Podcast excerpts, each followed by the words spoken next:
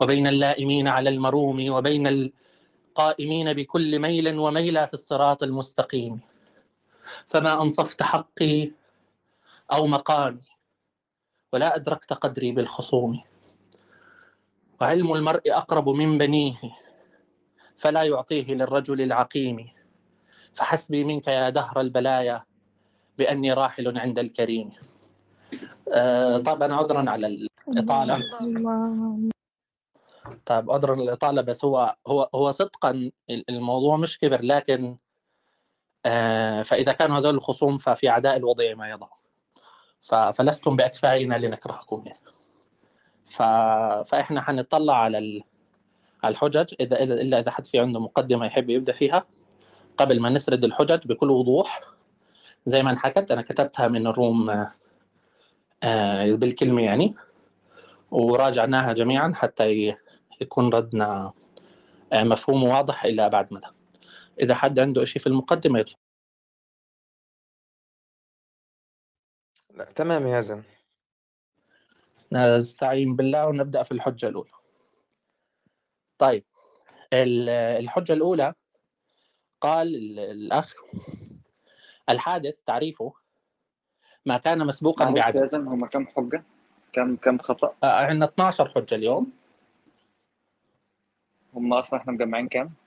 لا هم 12 يعني حاليا 12 بس في أشياء أجلناها للروم الثانية اللي هي اللي هو مناقشة الدليل الكوزمولوجي إحنا كنا مجمعين حوالي 30 29 أو 30 مجمعين 30 30 خطأ. آه.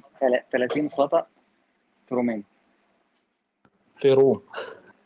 في room واحدة آسف 30 خطأ في room. لا أنا بقول لك هم أكثر من 30 لأنه أنا أصلا كل حجة هسه أحكيها حتلاحظوا إنه فيها أكثر من خطأ أصلا.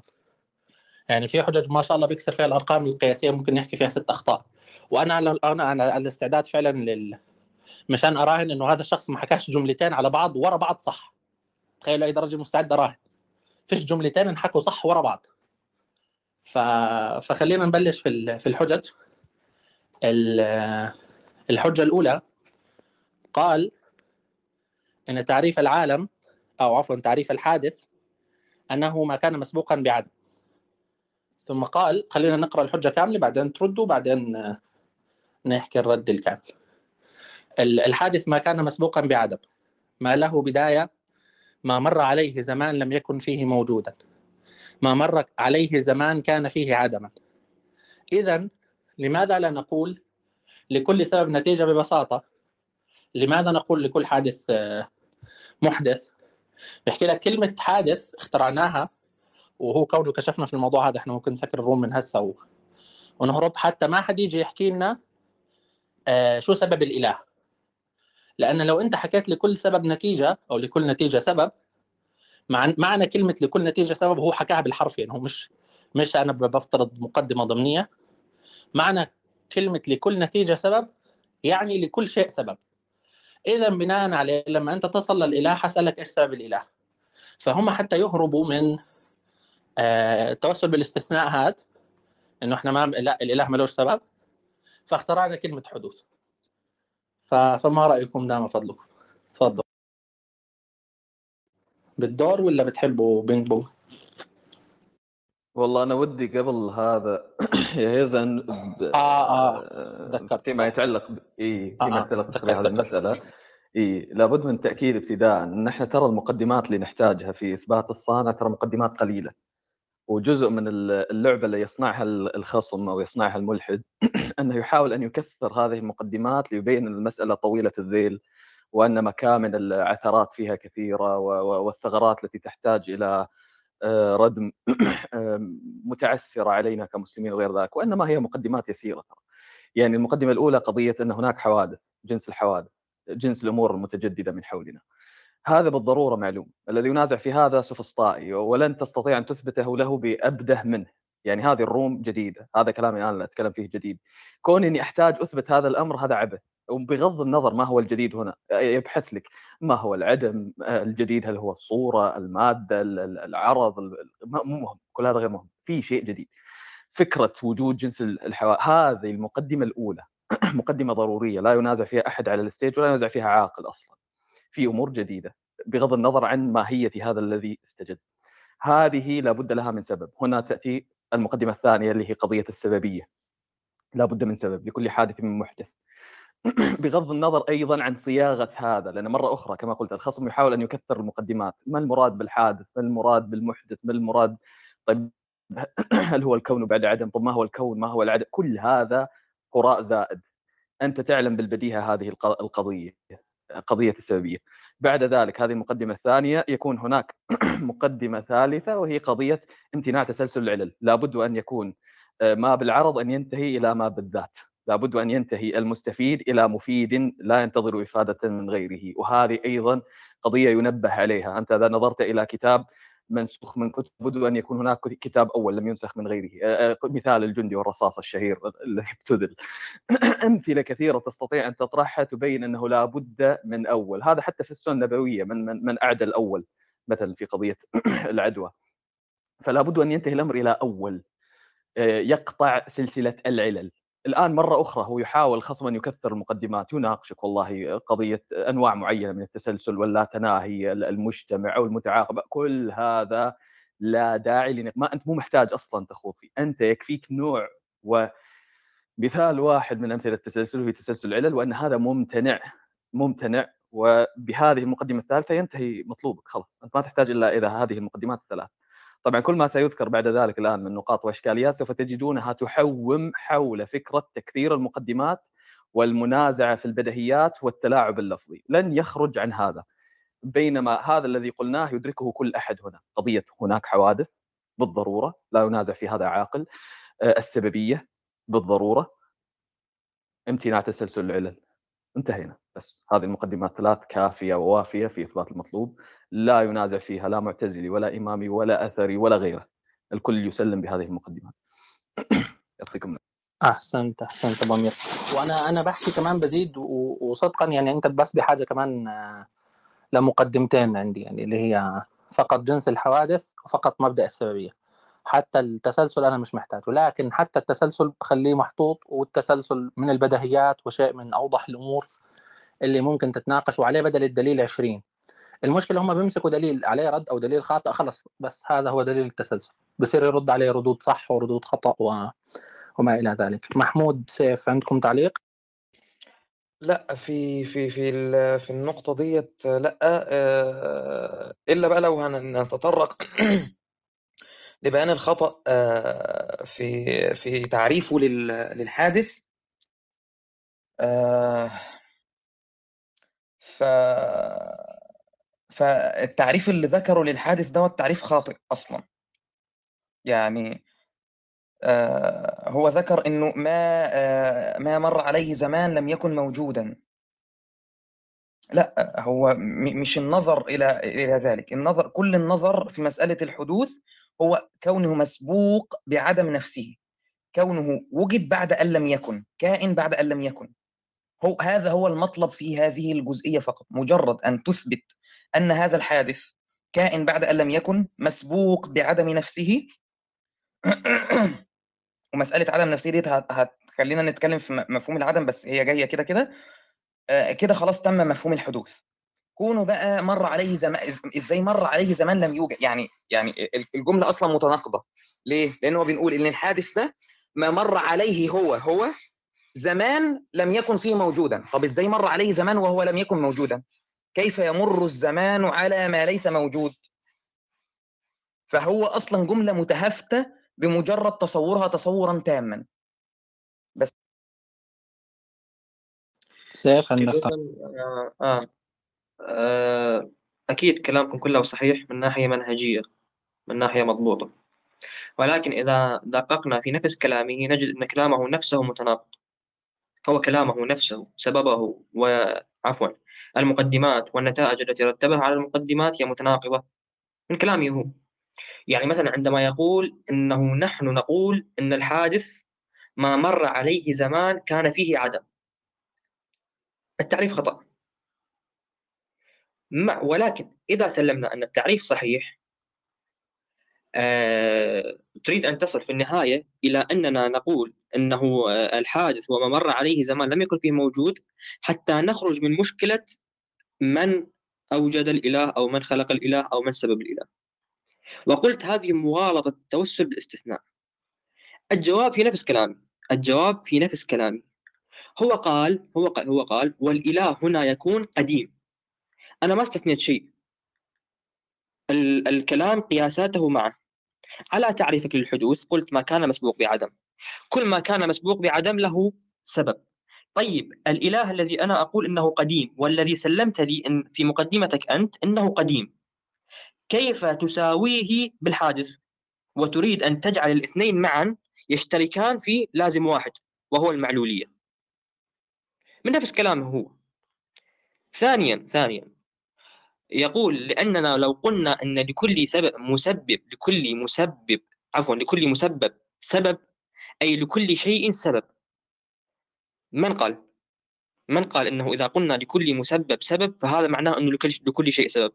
يعني هذا القدح من الرأس بدون دليل آه، بدون آه، برهان بدون حتى خطابة. كذا يعني مجرد ك- كلمات يربطها مع بعض. إذا قلنا أن لكل مسبب مسبب سبب هذا معناه إننا نقول لكل شيء سبب. يعني من اين من أين اتيت بهذه؟ فبغض النظر عن آه، خطئه في تع... خطأه في تعريف الحادث وبغض النظر عن مغالطة الاستثناء التي أتى, أتى بها من رأسها من, من رأسه كلامه نفسه يحمل التناقض في داخله.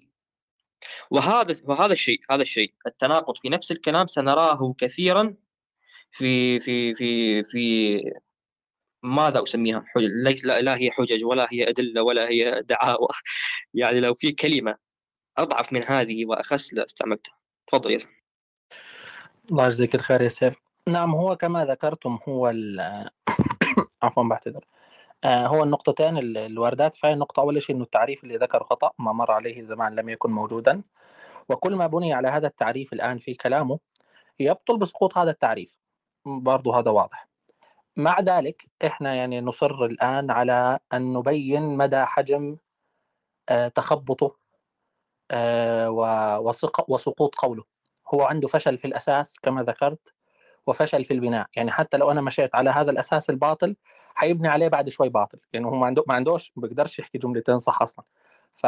فهذا الإشكال. ثم آه القول أنه لماذا قلنا الحدوث؟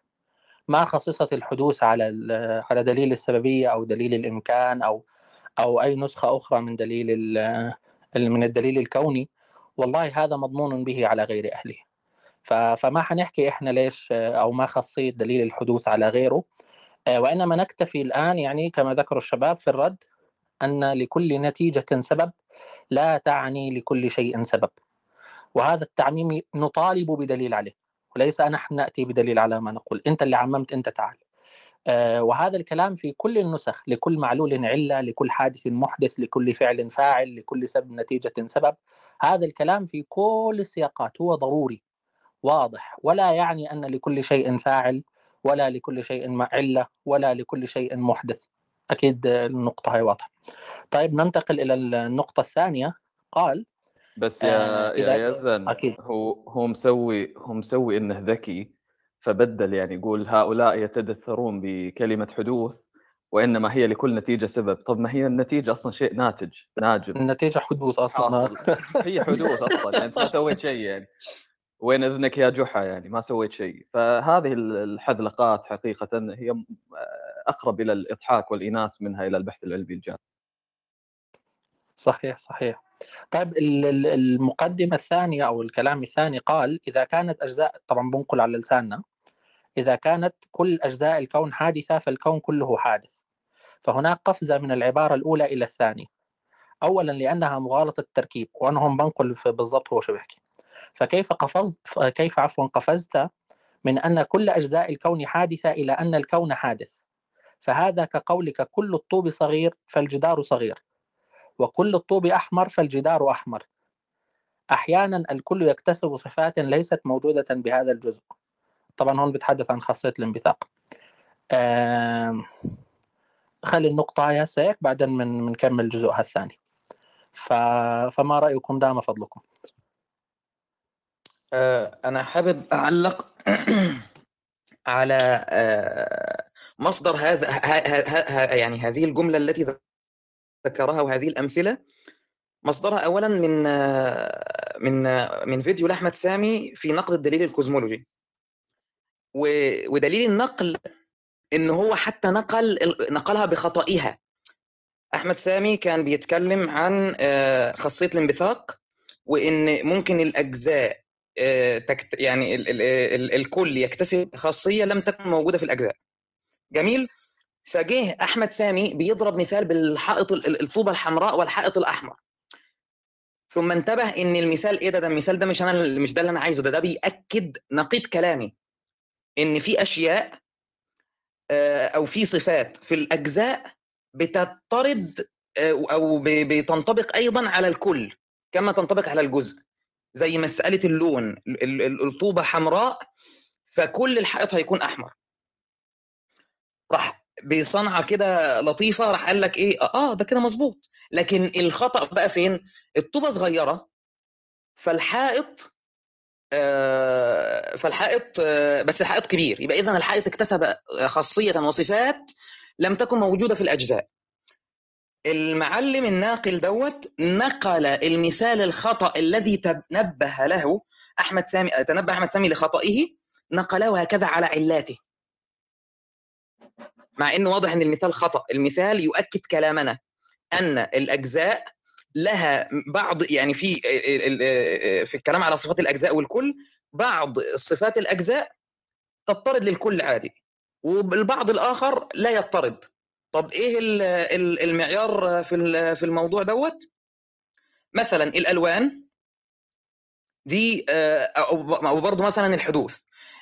الحدوث ده خاصية ذاتية في ال- في الشيء. بس يا محمود يا محمود ودي انبه قول. هذا الآن الذي تصنعه هذا الذي تصنعه تعليم. وليس رد لشبهة هذا تعليم. أنت تقوم بتعليم الآن الشخص الذي طرح هذه الشبهة هذه المعلومة التي يعرفها الدارسون. فأنت في مقام تعليم الآن. اولا أنا في مقام آه، تع- مع آه، تع- آه، ذكر أقول لك المصدر. تقول قبلها. أقول لك شو إيه؟ تقول قبلها غير ال... آه أقول لك هسا المصدر آه بالضبط هو مكان نحكي المصدر بس بدي أحكي لك قبل ما ما تنبهوا لموضوع ال... آه لموضوع إنه صفة الحدوث صفة مطلقة و... وت- أو ذاتية وتنتقل من الجزء إلى الكل هو قبل ذلك الشبهة أتفه من, من هذا يعني بكثير ابتداء أصلا عبارته لما هو حكى لنا إنه كل أجزاء الكون حادثة اذا الكون حادث أصلا أنا ابتداء لا لا بحاجة لكل الأجزاء ولا بحاجة لكل الكون. أنا أصلا ابتداء بسم الله الرحمن الرحيم أنا جاي هيك على الموضوع أنا ما بيلزمني غير جنس الحوادث بل ويلزمني حادث واحد. تمام؟ هذا ابتداء. فأنا أصلا كل المقدمتين اللي هو ذكرهم هذول من باب التكنيكال. يعني هاي من باب ال- زيادة الإيضاح وتفهيم الناس أكثر وكذا.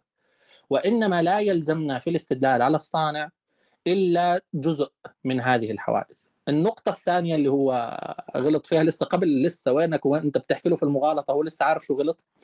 ال- النقطة الثانية طبعا حتى برضو يبان فساد الشبهات هاي إنه الكون أو كل الكون هيئة اعتبارية لا وجودية.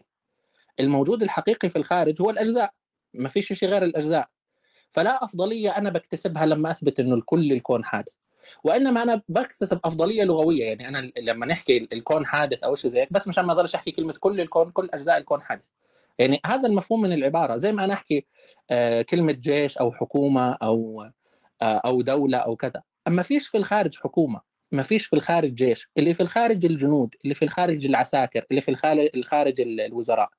فاصلا ابتداء أنا ما حكسب شيء لما أحكي كل الكون حادث. فلاحظوا الشبهة أصلا لا ترد علينا ولا يعني ولا هي أصلا مهمة بالنسبة لنا من وجهين لأنه أصلا هذا هيئه اعتبارية. واثنين أنا مش محتاجها إذا وصلت الصورة. ومن ثم حتى لو هو يعني أصر على فكرة إنه هاي الهيئة آه، وجودية وليست اعتبارية هذا بكر عليه في دليل علة المجموع. ما هو علة المجموع هم بينقضوه. وإحنا أنا طبعا يعني مع هذا النقد إنه علة المجموع أمر اعتباري.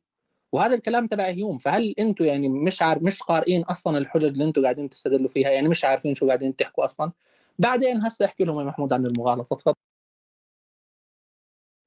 طيب آه الشيخ فارس كان طلع آه لو عايز يتكلم يقول شيء في هذه النقطة آه يعني يتفضل يعني. لا لا يعني آخر واحد اجعلوني آخر واحد. الله يبارك. طيب ماشي. ال- اللي كنت بوضح فيه إن بعض الصفات صفات ذاتية في الشيء فتضطرد عادي إلى الكل فإذا توفرت في الجزء فينبغي أن تكون موجودة في الكل. جميل؟ زي مثلا آه، يد الإنسان. يد الإنسان جسم ومتحيزة. ما ينفعش كل الإنسان ما يبقاش آه، جسم متحيز.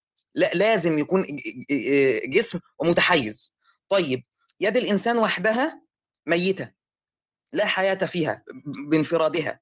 ولكن الكل إذا اجتمع بهذه الهيئة الاجتماعية ودبت فيه الحياة بنفخ الروح فيه جميل. صار الإنسان كله يطلق عليه حيوان أو حيوان ناطق. وبرضه نفس الكلام تطبقه على الناطقية. اليد ليست ناطقة بمعنى أنها تفكر. ولكن كل الإنسان يفكر فهكذا اكتسب الكل صفة لم تكن موجودة في الجزء. هذا يعني هذا موجود ومضطرد ومعروف. في صفات تنتقل إلى الأج... من الأجزاء إلى إلى إلى الكل وفي صفات لا. ففين ال... فين فين فين محل الاستشهاد عنده آه، عنده هنا؟ طبعا بعد كل ده بعد أصلا بيان إن الأساس أصلا بتاعه باطل كما أوضح آه، يزني.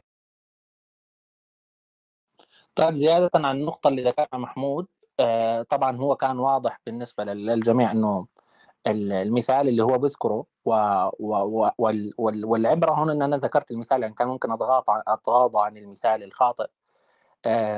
لأنه هذا الشخص ناقله أصلا غلط. يعني إحنا عارفين إنه ناقله من كذا وناقله غلط. فبس مشان نوضح للناس إنه هاي يعني مش أشخاص ناس بتقرأ ولا أشخاص ناس بتفكر قبل ما تحكي. آه، فالمثال هو كل آه، الطوب أحمر اذا الجدار أحمر. هذا انتقال صحيح ما في عليه إشكال. والقيد المنطقي على الرازي الموضوع يعني النهارده يا زلمة؟ أيوه مش سامع. نقل نقل الرازي. آه نقل الرازي هيكون النهارده؟ نقل الرازي عنه مثلا بمناسبة النقل يعني. آه حتكلم عنه طبعا. ال ال اللهم صل على سيدنا محمد.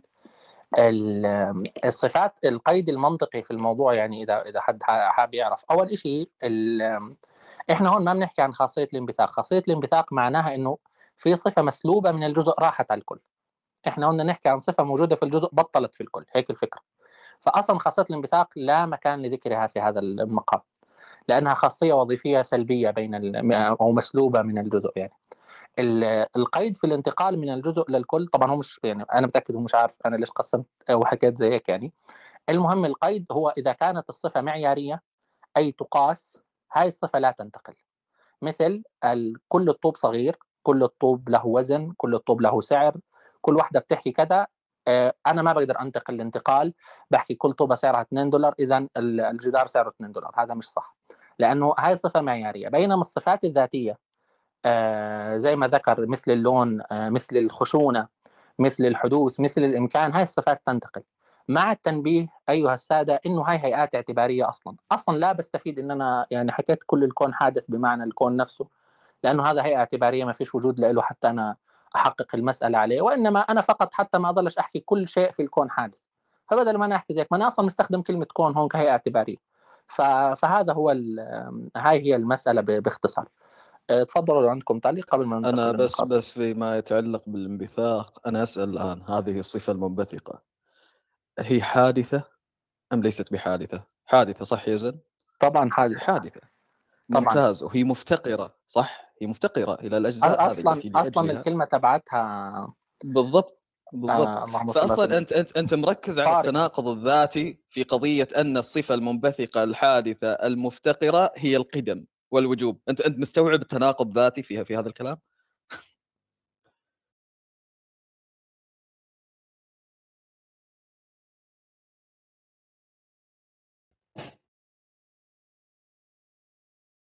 عفوا أنا بحكي والمايك مسكر. آه معك فعلا معك في الموضوع هذا. هو حتى أصلا كمان شوي حتشوفوا كيف هو حيعطي الصفة الاعتبارية هاي آه وصف القدم للأسف الشديد لسبب ما. بس والله وأيضاً- أهم أهم ما قلتوه هي قضية إن كل هذا بحث تبرعي. يعني هذا آه إحنا قاعدين نتبرع نتبرع عليهم. إيه إحنا نتبرع عليهم بالتعليم يعني. هذا تعليم إذا نتبرع آه. به. إيه إذا يعني هي في النهاية هي- مجرد الحوادث. أي حادث أي جنس الحوادث كافي. المقدمات الثلاث اللي ذكرناها في البداية بس هذا اللي نحتاجه أي بحث بعده هذا تبرع. الشباب يعني اليوم يعني متونسين ومروقين ويبون يتبرعون بتعليم هذه المسائل.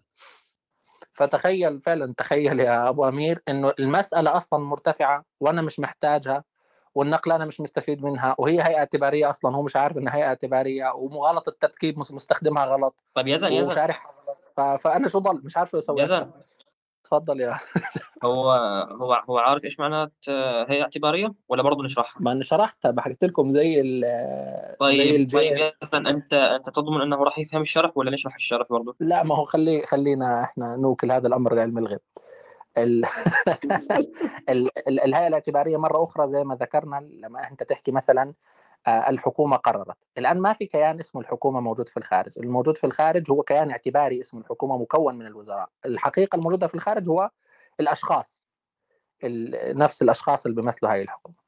آه، فهاي حقيقة كلمة كيان اعتباري. فأنا أنا ما فيش عندي معنى أصلا لأثبت إنه هذا الكيان حادث ولا أعطيه أي صفة أصلا. و- وزي ما ذكرت أصلا لو هو بده يتمسك إنه هذا الكيان أنا ممكن أعطيه صفة فيكر عليه في دليل علة المجموع اللي هو أصلا دليل خاطئ بس أنا بكر عليك وبتثبت التسلسل منه غصبا عنك. آه شيخ فارس لو بتحب تعلق على هاي النقطة قبل ما ننتقل للنقطة اللي بعدها.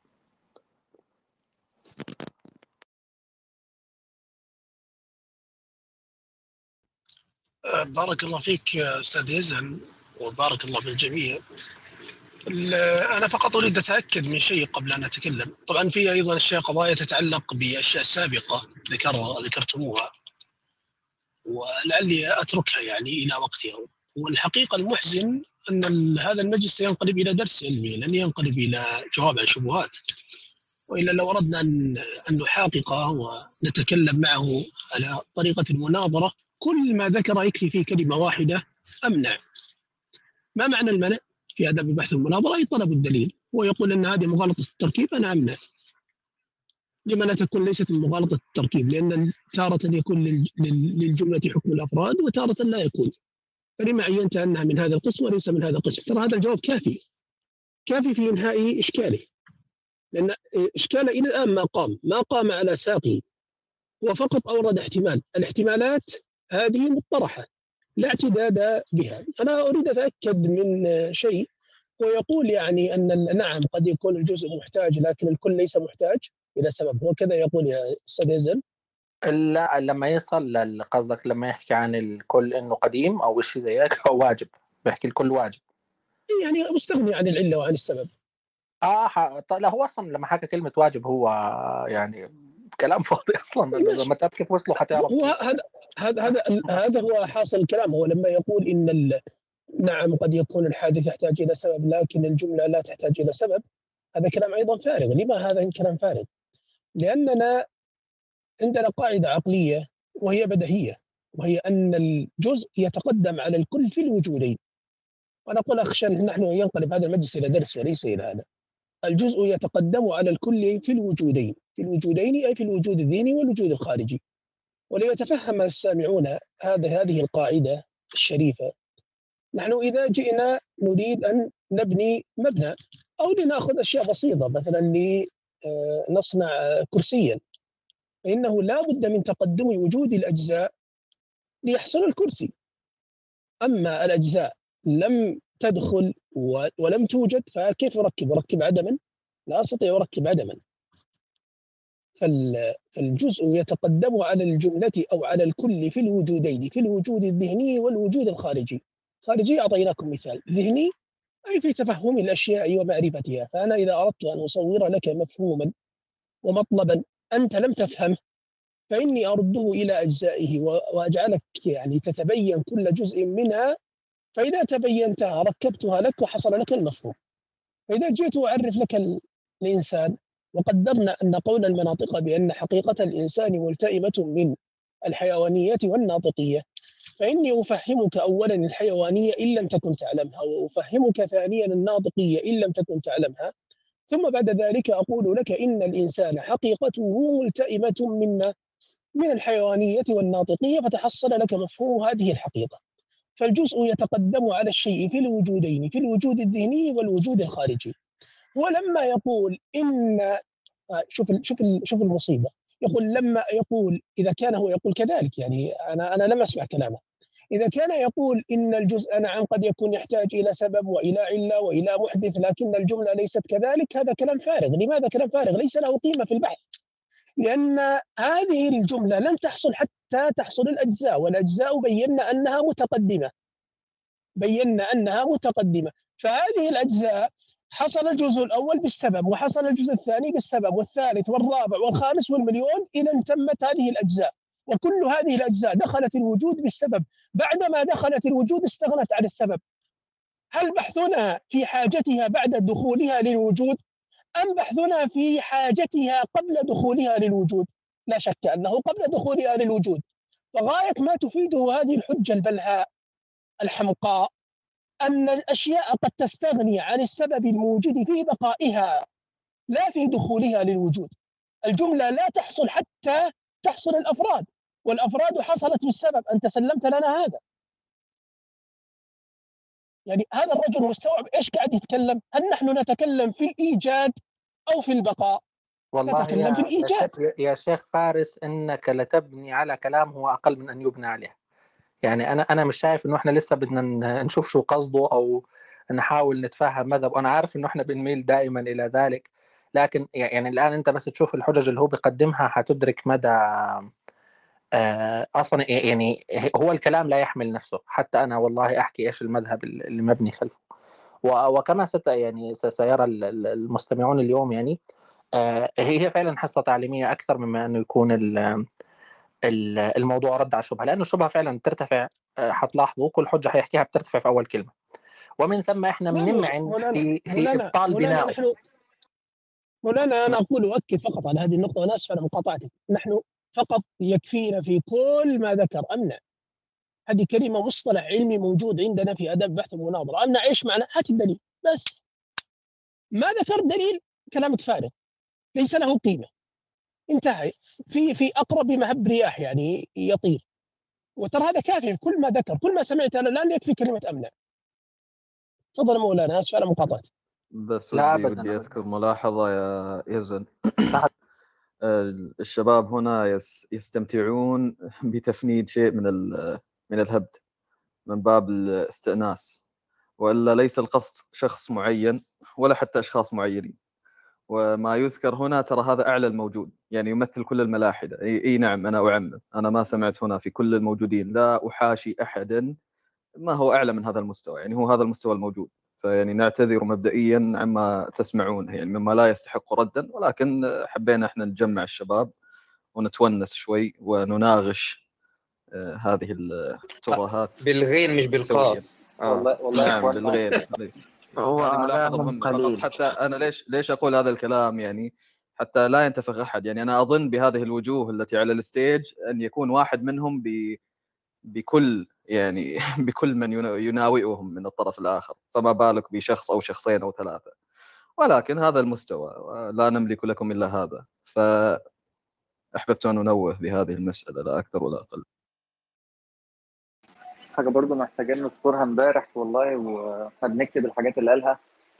آه، في بعض الكلام بنفترض فيه حجه قو- قوية ونبدأ إحنا نفسنا نبني الحجة القوية دي. يعني إحنا إحنا اللي بنبني إحنا اللي بنبني الشبهة. وبنقويها آه، ون- وناخدها على أقصى محمل وأقوى محمل ثم في النهاية نقرأ الكلام تاني نكتشف إن هو. طلع أسخف أسخف مما إحنا كنا متوقعين تماما يعني. حصلت كتير جدا آه، امبارح. طيب تنويه آخر تنويه آخر هذا تشويق للقادم تشويق للقادم. في كلامه في في هذا الكلام اللي تسمعونه الآن في هذه الدعاوى التي تسمعونها الآن هنالك أو حصل سقط كلام أثبت فيه الواجب بنفسه. أثبت فيه الله سبحانه وتعالى بنفسه في سقط الكلام في في أثناء مقدماته. يلقي مقدمة لا يعلم نتيجتها تثبت الواجب أساسا. فهذا تشويق تشويق للقادم. تفضل يا زين طيب ال- النقطة الجزء الثاني من النقطة نفسها إنه عفوا بعتذر إنه قال علميا إحنا بنرتكب احتكام للجهل لأنه إحنا ما بنعرف قبل الانفجار العظيم إيش كان فيه. آه، أو ما حدث قبل الانفجار العظيم. آه، فعلى هاي النقطة آه، أصلا ما نقال أننا نستدل علميا. يعني مش معنيين في هذا الأمور الأمر ابتداء. والعلم نفسه مش معني في هذا الأمر ابتداء. وإنما استدلالنا عقلي محض. يستوي فيه جنس الحوادث كلها سواء كان كونا أو صخرة أو نسمة هواء كان في انفجار عظيم ولا لا. إحنا بنحكي في الدليل قبل الانفجار العظيم أصلا. ومن بعد. وكانت لحظة الحدوث قبل الانفجار ولا بعده ما بفرق معنا. كانت في 7000 كون قبل هذا الكون ما بفرق معنا. الله عز وجل خلق الكون كله قبل خمس دقائق ووضع فينا نحن الذاكرة حتى نحس إنه في حياة كانت قبل ما فيش مشكلة. آه هذا بالنسبة لنا كله مستوي. الفكرة إنه جنس الحوادث أمامنا هذه روم فتحت أمامكم أنا حادث كلامي حادث الكلام اللي أنا كاتبه قدامي حادث آه وهكذا الأمور كلها حوادث هذا شيء واضح. هاي الأمور واضحة. لا ليس لها علاقة لا في انفجار عظيم ولا في منتجات العلم التجريبي ولا العلم التجريبي أصلا يتدخل آه، في ذلك. وإنما الإشكال عند الذي يتمسك بالعلم التجريبي ومن ثم يقول العالم قديم. فهذا المحتكم إلى الجهل. الشخص اللي هو متمسك بالحس ولا يرضى دليل عقلي للحكم على الواقع الخارجي ومن ثم يقول العالم قديم. هذا شخص لم يرى إلا العالم الذي أمامه. على أي أساس يحكم أن العالم قديم؟ هو يحكم هو يضرب بالغيب حرفيا. يضرب بالغيب على أمر لا يستدل عليه عقلا. وأنا هون ما بتحدث عن آه، عن الفلاسفة أو الناس اللي بتقيم دليل على القدم. هذول بيقيموا دليل عقلي. صح أو خطأ مش مشكلة. المشكلة عند الشخص اللي بتمسك اللي هو بيحكي لك أنا ما بآمن غير في الواقع في العلم التجريبي في الشيء الذي أمامي ومن ثم بحكي لك العالم قديم. فهذا شخص متخبط. هذا الشخص اللي بيحتكي من الجهل وليس وليس نحن. وأخيرا النقطة اللي بدي أوضحها إن إحنا مش قاصرين على استخدام أدوات العلم التجريبي في إثبات عقائدنا سواء في هذا الباب أو في غيره. أه وإحنا أولاد العلم التجريبي في, في الأول وفي الآخر. وقرأنا فيه زي ما قرأوا أكثر، بل كلامنا فيه حيكون لما نستخدم هذا الشيء أدق وأوضح وأبلغ. والشباب بيعرفوا كم يعني من المواضيع اللي بتنفتح قدامهم فيزيائيه بتدل على كلامهم بس ما بنستخدموش لأنه إحنا بندعي إنه تداعي الأفكار وإن كان أصوب من غيره تداعي أفكارنا إحنا هذا آه لا يستحسن نقله بل إحنا نحسن الفهم قبل أن نقول ونراجع قدر ما قدر ما تقتضيه الحاجة حتى نستبين. بينما الخصم اللي أمامك هو شوي quantum شوي نسبية شوي الانفجار العظيم شوي مش عارف ثابت بلانك شوي كذا بتخبط بين المواضيع ويحمل الفيزياء ويحمل العلوم ما لا تحتمل أصلا. بشهادة أهلها كما تسمعونهم على الكلب هاوس كل يوم إنه العلوم لا تجاوب على هذه الأسئلة. أه وتفضلوا معي. طيب يا زن أه بداية بداية مع كل التنزل فأبعد نقطة يمكن أن يصل إليها أبعد نقطة هي أنه كذلك يستند ويحتكم إلى الجهل لماذا؟ هو قال نحن علميا نحن كمؤمنين موحدين علميا لا نعلم ماذا كان قبل الانفجار العظيم فلا يمكن لنا أن نقول أنه لم يكن آه، آه، الكون موجودا. طيب يا حبيبي ما أنت أيضا لا تعلم ماذا كان هنالك قبل الكون فلماذا تحكم أن العالم قديم؟ أنت أيضا لا تعلم ماذا كان هنالك قبل ثابت بلانك وقبل الانفجار العظيم. لماذا أنت جوزت لنفسك أن تحتكم إلى الجهل وتثبت وتثبت آه، أنه أن العالم قديم ومنعت هذا على خصومك؟ وغاية ما يقول غاية, غاية ما يقال أن خصمك استخدم نفس حجتك. فيا أما نحن الآن الاثنين نحتكم إلى شيء حقيقي ويا أما نحن الاثنين نحتكم إلى الجهل. وأنا واللي على الستيج واللي آه، في الأودينس كذلك أنا أعتقد بل بل متيقن إنهم ينزهون أنفسهم عن الاحتكام للجهل. فربما هو الذي يحتكم إلى الجهل أو الذي يقبل لنفسه أن يحتكم إلى الجهل. هذه النقطة الأولى مع التنزل النقطة الثانية هو يخلط بين الواسطة في الثبوت والواسطة في الإثبات. خليها خليها الواسطة خليها خليها هاي لسه تقبل هاي؟ ما اجت لسه. والله شوف هذه هذه تغشيشة والله ما ودي تقولها. لسه لسه هاي ما وصلت. آه لا لا عليها عليها انعكاس في هذا خليها شوي خليها شوي هسه بس بوقت. رضا. بعدين في في درجة أمعن في التنزل برضو على فرض ثبوت قدمه. هذا لا يتعارض مع مع مع المطلب الذي نقيم الأدلة عليه. ألا وهو وجود العلة الأولى أو وجود الصانع أو وجود الخالق أو وجود الإله. هذا هذه النتيجة تنزلا إن ثبتت لا تتعارض أصلا مع مع مع مع مع المطلب الذي آه، نتكلم فيه. طيب النقطة الثالثة. بيحكي لك الكون حادث. يعني مرة أخرى بعيد التعريف ال- الغلط. مر عليه زمان آه ف... أنا أنا أنا في شيء يعني الحقيقة يعني شدني في ال- العنوان. أنا ما رأيتكم علقتم عليه. هو قال أكاديميا. هذه العبارة تقع في نفوس الناس أن هذا الرجل سيتكلم بناء على الطرح الأكاديمي العلمي.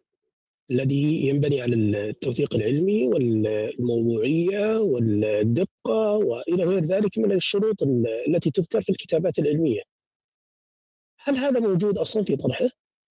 يعني هذا الرجل الآن حينما قال هذه التفاهات التي تكلم بها أعتذر أني عبرت بعبارة قاسية آه، حاولت أبحث عن عبارة لطيفة. هذا الكلام الذي لا يسوى شيئا لا يسوى آه، أن نضيع حتى وقتنا في التعليق عليه. هل هذا الرجل وثقه من مصادر الأصلية وليس من مراجع من مصادر أصلية وذكرها بطبعاتها بأماكن الطبع مع رقم الطبعة مع كذا إلى آخره؟ هذا أدنى شيء أكاديميا أن أنت أن يذكر؟ الكتاب الوحيد اللي ذكره نقل منه غلط طيب يا بس عشان ليش أنا أسأل عن هذا يا يزن؟ لأن الآن الشخص ال- ال- غير ال- المدقق أو كذا وغير مهتم لما يشوف اكاديميا يحس إن الموضوع كبير وفي طبخه وفي شغل وفي وهذا الرجل جالس يقدم ورقة بحثية. مع أن كلام هذا لا يصلح في محاضرة تقدم في أي أكاديمية أو في أي مركز بحثي. عيب يعني ينطق بهذا الكلام بهذه الطريقة عيب هذا اسمه عيب. بس أصلاً لا- لا كانوا كانوا يعني. كانوا للأمانة يحطوا لينكات من ويكيبيديا للأمانة حتى ما آه أكونش ما أنا كنت لا لا أجل. سأجلي سأجلي الأمر. اولا العنوان يعني آه، مش من بنات أفكاري. يا يا جماعة العنوان ليش ليش محسسين إن في آه، يعني ما في شاشة كبيرة؟ حروف لا معينة يعني تستحق يا جماعة. ترى إحنا نتكلم الآن في يعني إذا أردنا أن نسمي هذه الأمور هذا يمكن اقتباسا يعني من الرازي وهو أشرف وأعظم من أن يقتبس منه في مثل هذا السياق اللي هو محصل هبدات ال- الملحدين يعني. محصل إذا اردنا نسميه مش كمان يا فهو مش خاص يا يا جماعة بشخص معين أو بروم معين. يعني هذا الشخص أو أنا ما أعرفه يعني عموما ولا أعرف رومه ولا أهتم أصلا ولا أظن أحد مهتم يعني. بس هذه فرصة لي كما قلت مرة أخرى لنتونس. يا بس في أنا نقطة أعترف إن آه اكاديميا إذا ثانية يا ان ممكن بس يا بس يزن لا لا آه، شغلة تنظيمية. يعني ما حدش يرفع حد خلوه رافع معي لو سمحت. طيب آه، مسألة أكاديميا ديت هو مش جايبها من رأسه. جايبها من نفس المحاضرة التي نقل منها خطأ مسألة ال- الانبثاق. برضو لا ما سامي في بدك بحكي لك البلوج اللي على التليجرام اللي هم بيسمعوا منه كمان ما عنديش مشكلة. أو أحمد سامي قال لك إيه؟ أكاديميا وماذا كان يقصد بأكاديميا؟ أي سيعرض حجج المؤيدين وحجج المعارضين بحيادية وموضوعية تامة. طبعا حجج المؤيدين آه، للدليل كان جايبها منين؟ كان جايبها من يعني مثلا برهان الصديقين كان جايبه من ويكيبيديا. آه، أول من قال آه، بدليل الحدوث الكلامي هو أبو حامد الغزالي. طبعا ده موضوع ده اكاديميا ده بعض يسقط كده من أول كده بسم الله الرحمن الرحيم هذا يسقط على طول. فهو سرق العنوان كما هو يعني أو الفكرة بتاعت اكاديميا سرقها من أحمد سامي برضه كما هي. هو مش عارف يعني إيه اكاديميا أصلا. وأظن برضه أحمد سامي برضه مش عارف يعني إيه اكاديميا لأن ويكيبيديا مش مصدر أكاديمي. بس أنا أختلف معك يا أبو أمير في بالنسبة لموضوع الأهمية. أنا شايف إن يعني كان جيد إن إحنا نشوف room زي دي لأن يعني الهبدات اللي كانت متوزعة على الرومات من بداية ال Clubhouse لغاية دلوقتي عدى أكثر من سنة وجدناها مجتمعة في مكان واحد. فإن إحنا فتحنا روم زي دي يخلي غيرنا مثلا يسمع الهبدات ونصلح بها ال- التصورات. فهو أدى لنا خدمة كان صعب إن يعني حد غيرنا يعملها. طيب يا قذافي آه نعود لنفس النقطة. آه يزن ذكر يزن ذكر إحنا نستدل بقواعد منطقية عقلية.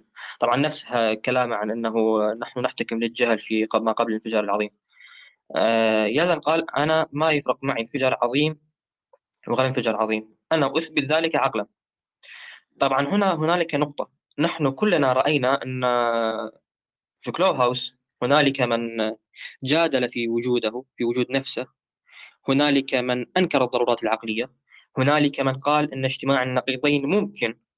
هنالك من كان يعتقد بقاعدة ضرورية عقلية وينكرها بعد أسبوع ثم يعو- يعود ليثبتها بعد أسبوعين ثم ثم.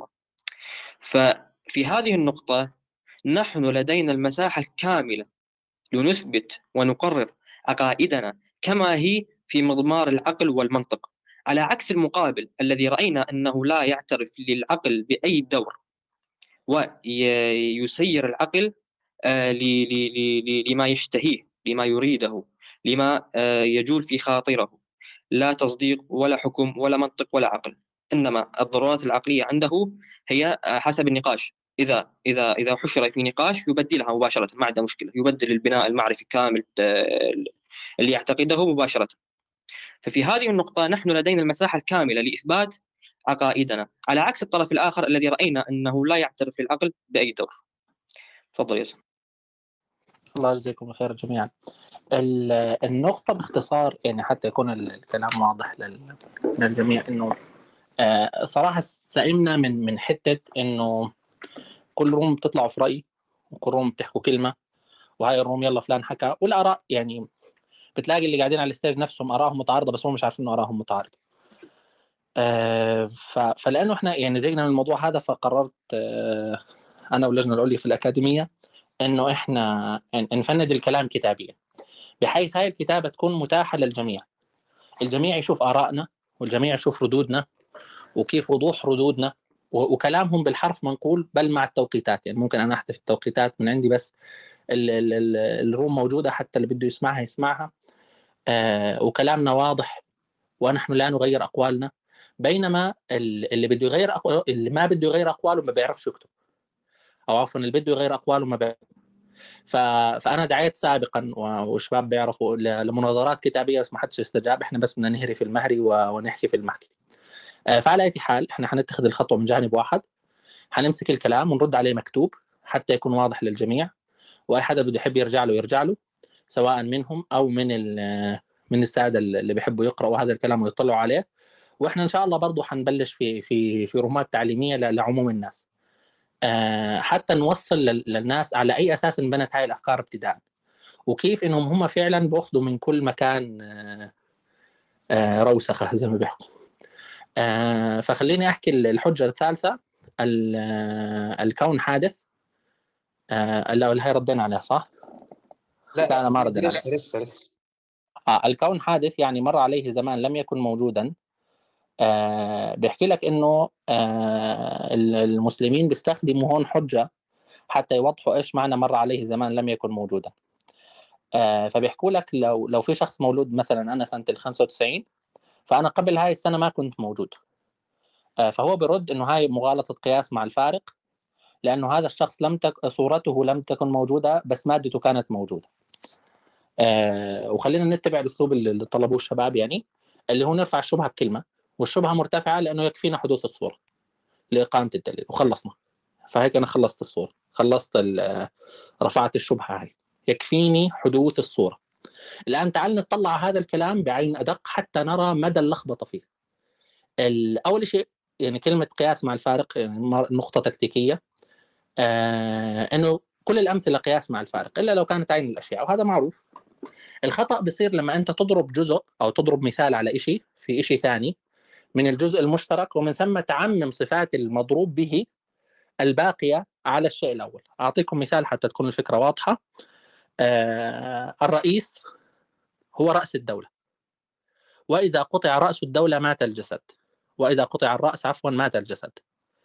آه صحيح أنه الرئيس في المثال لما أنت ضربت أنه الرئيس هو رأس الدولة من ناحية أنه يقودها وينظم أمرها وكذا آه لكن لو أزيل لم تمت الدولة الدولة حتفرز ناس ثانيين يصيروا رؤساء يتحكموا فيها أو يديروا أمرها. فالجزء المشترك لما أنت حكيت كلمة رأس بمعنى القيادة والتنظيم والخطأ صار لما عممت باقي صفات الرأس اللي هي أنه الرأس حينقطع فالجسد حيموت فالدولة حتموت. فهذا الإشكال في الأمثلة لما تنضرب وليس الإشكال أنه أي مثال مع الفارق وإلا في حالتنا اللي إحنا بنحكي فيها آه الإشارة هون لعدم صورتك قبل حصولها. آه، وهذا كفيل بفهم فكرة إنه إيش معنى عدم الشيء قبل حصوله وخلصت. فهذا دور المثال. أنت ما فيش داعي يكون المثال نفس الشيء حتى يكون المثال واضح. فهذا ابتداء. النقطة الأخرى آه وهي للأسف يعني اللي هو مع التسليم بالتق... يعني إحنا أصلا مسلمين في تقسيم الموجودات إلى مادة وصورة. لكن الخصم أصلا مش عارف إيش معنى مادة وصورة. هو مش عارف إنه المادة اللي بيحكي عنها فيزيائيا هي صورة عند الفلاسفة أصلا. يعني هاي هاي هي أصلا الصورة اللي هم بيحكوا عنها الفلاسفة وليست هي المادة اللي بيحكوا عنها الفلاسفة. فللأسف بيمسكوا المصطلح العلمي باخذوه مع المصطلح الفلسفي ومفكرينهم شيء واحد. طبعا هذا لأنه لا دارس فلسفة ولا دارس فيزياء. فهو مش عارف أصلا إيش معنى صورة ومادة لكن مع التسليم بالتقسيم تبع المادة والصورة ومع التسليم بفهمهم الخاطئ لهذا لهذا المفهوم فإن مجرد حدوث الصورة يكفينا لإقامة الدليل. السلام عليكم ورحمة الله وبركاته. وعليكم السلام ورحمة الله وبركاته. طيب حد عنده تعليق على النقطة ولا ننتقل للنقطة؟ أظن أنا غطيتها. نقطة تامة تمام. النقطة اللي بعدها وهون حنفوت في في موضوع العدم و وكذا. أهلا يمين تحب تعلق؟ لا انتظر لما تخلص يا يزن. آه أنا لسه الرد قال لي إن أنتوا قدامك قدامكم كذا نقطة بس. فأنا هنتظر قدامي قدامي تسع نقاط لسه. إحنا خلصنا ثلاث في أول ساعة. طب. فلو بتحب تحكي تفضل آه، تسع نقاط يعني تقريبا ساعة أكثر من ساعة؟ لا الثلاث نقاط أخذوا معنا ساعة فلو أنت بتحب تحكي هسه تفضل مسموح إن أنا أقطع الترتيب والتحضير اللي أنتم عاملينه؟ أنا عارف واضح إن أنتم محضرين روم كويس فمش مش عايز أبوظ عليكم الموضوع. لا لا لا يوجد تحضير. عادي على فكرة أصلا مش محضرين هو تحضير تنظيمي بس يعني لكن الكلام كله في رؤوسنا يعني ما هو ده ما هو ده شيء يحترم يا محمود يعني حتى لو أيوة تحضير تنظيمي أنا بقول لك إن لأ عادي يعني ده مش هيأثر على تحضيرنا يعني مش هيأثر على حبل أفكارنا يعني. طب أنت هتعلق في موضوع الروم ولا في لأ. في نقطة تنظيمية؟ لأ في موضوع الروم مش مش هتكلم في الحدوث والإمكان وخلص لا, لا أنا أنا أنا اللي بفكر فيه دلوقتي حاجات تانية مش مش في الحدوث والإمكان. الموضوع دوت أنا يعني شبه حسمته مع نفسي. أنا في حاجة تانية هي اللي أنا بفكر فيها نعم. طيب آه أحكي. بحكي الله يجزيك الخير. آه أحكي. لا بص الموضوع بالنسبة لي بسيط في موضوع الحدوث والإمكان عشان نكون واضحين. إذا بداية الكون كانت الانفجار الكبير فلا بد لها من سبب قولا واحدا وانتهينا. بالنسبة لي إذا كانت البداية فعلا بتاعه الوجود هي الانفجار الكبير ولحد اللحظة ديت إحنا علميا ما عندناش حاجة بتقول أي إن في أي احتمالات تانية غير الانفجار الكبير. ما عندناش أي دليل فيزيائي على أي حاجة تانية غير الانفجار الكبير. ده بالنسبة لي ده, ده آخر قناعة أنا وصل لها لحد دلوقتي. أنا الحتة دي مش هي اللي أنا بفكر فيها خالص. هو لازم يكون في سبب ليه يعني. لا اللي أنا بفكر فيه هو حاجة تانية اللي أنا اتكلمت فيها قبل كده. العقل والعمليات العقلية اللي بتجري في العقل. العمليات العقلية اللي بتجري في العقل كلها بلا استثناء بتدخل المدخلات اللي داخل العقل داخلة عن طريق الحواس الخمسة. مفيش شيء داخل للعقل من مفيش مدخل آخر. فإذا أي شيء العقل بيفكر فيه مش داخل عن طريق أحد الحواس الخمسة العقل بالأساس الدماغ البشري. أنا بقى لما بقول العقل بالمناسبة أنا بعني الدماغ بعني المخ العضو الجزء العضوي في الدماغ في الجمجمة. فإذا أي شيء المفروض إن ال... يعني مش داخل عن طريق الحواس الخمسة فالعقل غير معني بيه. يعني العقل غير مسؤول غير مؤهل للتفكير فيه. دي الجزء اللي أنا بفكر فيه دلوقتي. ده الجزء اللي شاغلني دلوقتي. بالإضافة لإن الكلام نفسه الكلام المنطوق أو المكتوب هو الكلام ده كله ليه مدلولات؟ كل مدلول من الكلام دوت هو بي يعني بيدلل على صورة ما في العقل. في معنى في العقل في صورة ما في العقل وهي أيضا منتزعة من الحواس يعني داخل المدخل بتاعها من الحواس. فإذا في كلمة منطوقة أو مكتوبة الكلمة دي ملهاش صورة متحققة في العقل والعقل انتزعها من الخارج عن طريق إحدى الحواس فهي كلمة غير ذات معنى. المحتوى بتاعها في المعنى محتوى فارغ من المعنى. أنا دي النقط اللي أنا بفكر فيها دلوقتي مش بفكر في الموضوع الحدوث والتسلسل والإمكان. فممكن ده يكون بعيد تماما عن موضوع الغرفة أنا بس حب يعني كنت حابب إن أنا أتكلم معاكم فيه بما إن كل السادة الحضور سادة أفاضل وأنا بحترمهم جدا. فلو في حد لو عايزين نتكلم فيه بعدين نتكلم فيه بعدين تحبوا نتكلم فيه دلوقتي نتكلم فيه دلوقتي اللي تشوفوه مش عايز أبوظ لكم ترتيب الروم. طيب أنا ممكن بس أعلق تعليقين سريعات. وبعدين نرجع لموضوع روما أنا بعتقد. التعليق الأول على النقطة الأولى آه هو إحنا فعلا برضو بنحكي إنه إحنا بنفكر أول شيء بناء على المحسوسات. آه يعني الفكرة أول شيء بتبدأ من شيء أنت شفته أو سمعته أو أو لمسته أو كذا. ومن ثم هاي الفكرة ممكن تتطور في مخك أو كذا.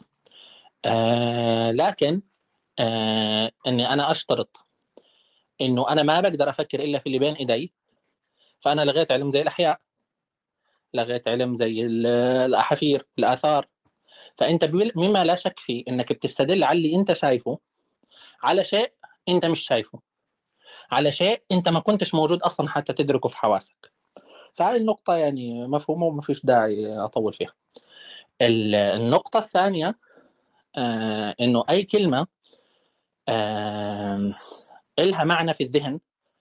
آه هذا المعنى في الذهن قد يتكون من معاني كلمات أخرى وقد يتكون من المفاهيم الموجودة برا. يعني أنت بتبلش تطلع الأشياء اللي برا فبترصد آه جنس أو أجناس للأشياء هاي. وبعد ذلك آه بترصد هذا الجنس وبتحطه في كلمة. هاي الكلمة مش متحققة برا. يعني مثلا لما أنت كنت آه إنسان بدائي تطلع على على العالم الخارجي فأنت لقطت الغزلان. فأنت هاي اسمها غزالة هذا حيوان هذا كائن قدامك. ومن ثم لقطت جنس الغزلان وجنس الحيوانات وجنس الأشياء اللي ممكن تأكلها وجنس الأشياء اللي مش ممكن تأكلها. ومن ثم أنت حتى بتقدر تنتقل في ذهنك من هاي الأجناس اللي أنت طلعتها زي الغزلان واللحوم والنباتات والحيوانات وكذا والأشجار والثمار وإلى آخره أنا بطلع مصطلح جنس. طب مصطلح جنس مش موجود برا أصلا. ولا له مصداق برا أصلا وإنما مصداقه موجود في الذهن نفسه. فبرضه مش صح لا أنت ممكن تستخدم آه، مصطلحات آه، هي فعليا ما لهاش مصداق برا والمصطلحات ما فيش عليها مشكلة. زي مصطلح جنس نفسه. مصطلح جنس نفسه مش موجود برا. الموجود برا هو غزالة واحدة وغزلان وكذا. أنت حتى لما سميتهم أنت بعدين من الأسماء هاي تبعت؟ أكثر من شيء اخترعت اسم جنس اخترعت اسم فرد. واخترعت اسم كل وهكذا. من الأشياء اللي أنت مستمدها من ذهنك مش من الخارج. آه فهاي النقطتين اللي بدي أحكيهم. طيب آه حد بيحب يعلق؟ قبل ما ننتقل آه، مين بتحب تعلق؟ تفضل. إي أنا كنت على السمع. بس كأني انتبهت. مين موجود؟ آه أنا موجود يا ماهر. تفضل. هل قلت أنت إن الأفكار والمعقولات كلها داخلة من الحواس الخمسة؟ أنا قلت أن المخ المخ البشري معني العمليات العقلية اللي تجري في المخ البشري المدخلات إليها كلها داخلة من الحواس الخمسة. ده نقص ممتاز. أنا يعني طيب يعني هذا اللي قلته أنا. كان يعني بس تأكد لي سريعا. وكل ما ليس كذلك فالعقل غير مؤهل للتفكير فيه. هذا أنت بالحرف قلته. كل ما ليس أيوة. كذلك غير فالعقل غير مؤهل يعني غير مسؤول غير أو غير معد غير مؤهل غير مسؤول آه أيوة. ممتاز ممتاز ممتاز. هذه الفكرة اللي قلتها. ممكن تذكر لي من أي الحواس الخمس جاءتك؟ هذه الفكرة اللي أنت قاعد تتكلم فيها هذه كلها هذه المقدمتين وهذا القضية كلها. ممكن تذكر لي أي حاسة من حواسك دخلت منها هذه القضية؟ من القراءة. إيش من القراءة؟ قرأت كلام يعني ذكر فيه هذه الفكرة؟ يعني مش من. الحواس الخمس انت ما رأيت في الخارج قضية الأفكار آه والعقل القراءة أنت داخل مش من الحواس الخمس وكل ما ليس استخدمت العين استخدمت العين قرأت كلام فكرت في الكلام اللي أنت قرأته فأنت رأيت شيء فهو دخل عن طريق الحاسة الحاسة من الحاسة اللي كتبه أول واحد ممتاز. فكر لا لا لا ممتاز ممتاز. يعني إذا إذا شخص كاتب كلام آه، خاطئ كاتب كلام خاطئ أو كاتب كلام مثلا عن آه، التنين الأسطوري أو عن الإله مثلا في كتب تتكلم عن إثبات وجود الله اذا آه، فخلاص يحق لنا أن نفكر في الموضوع. صح؟ ماشي. صحيح تماما مفيش أي مشكلة. ممتاز. اذا كل اذا كل فكرتك اللي أتيت بها ما لها معنى هنا؟ ليه؟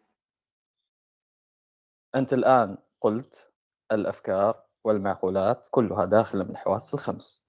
وكل ما ليس كذلك فالعقل غير مؤهل للتفكير فيه. هذه المقدمة الثانية. النتيجة؟ الأفكار والمعقولات التي لم تدخل من الحواس الخمس؟ ماذا؟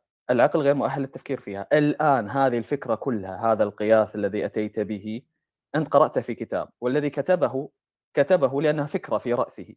الآن أنا ما سألتك وين قرأته. في كتاب في كتب تتكلم عن آه، خرافات كتب تتكلم عن أساطير ميثولوجيات إلى آخره.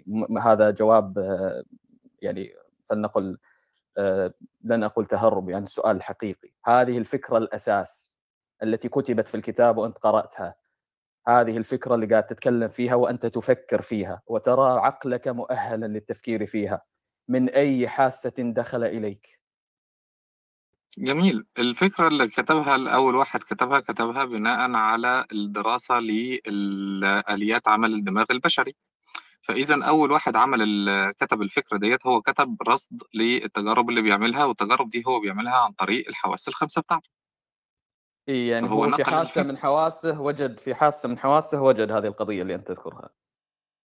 هو في تجارب اتعملت على آليات تفكير وآليات العمليات العقلية. التجارب تعطيك معطيات حسية ما تعطيك أفكار. هذه الفكرة من أي مدخل من المداخل الحسيه أتت؟ سؤالي واضح جدا.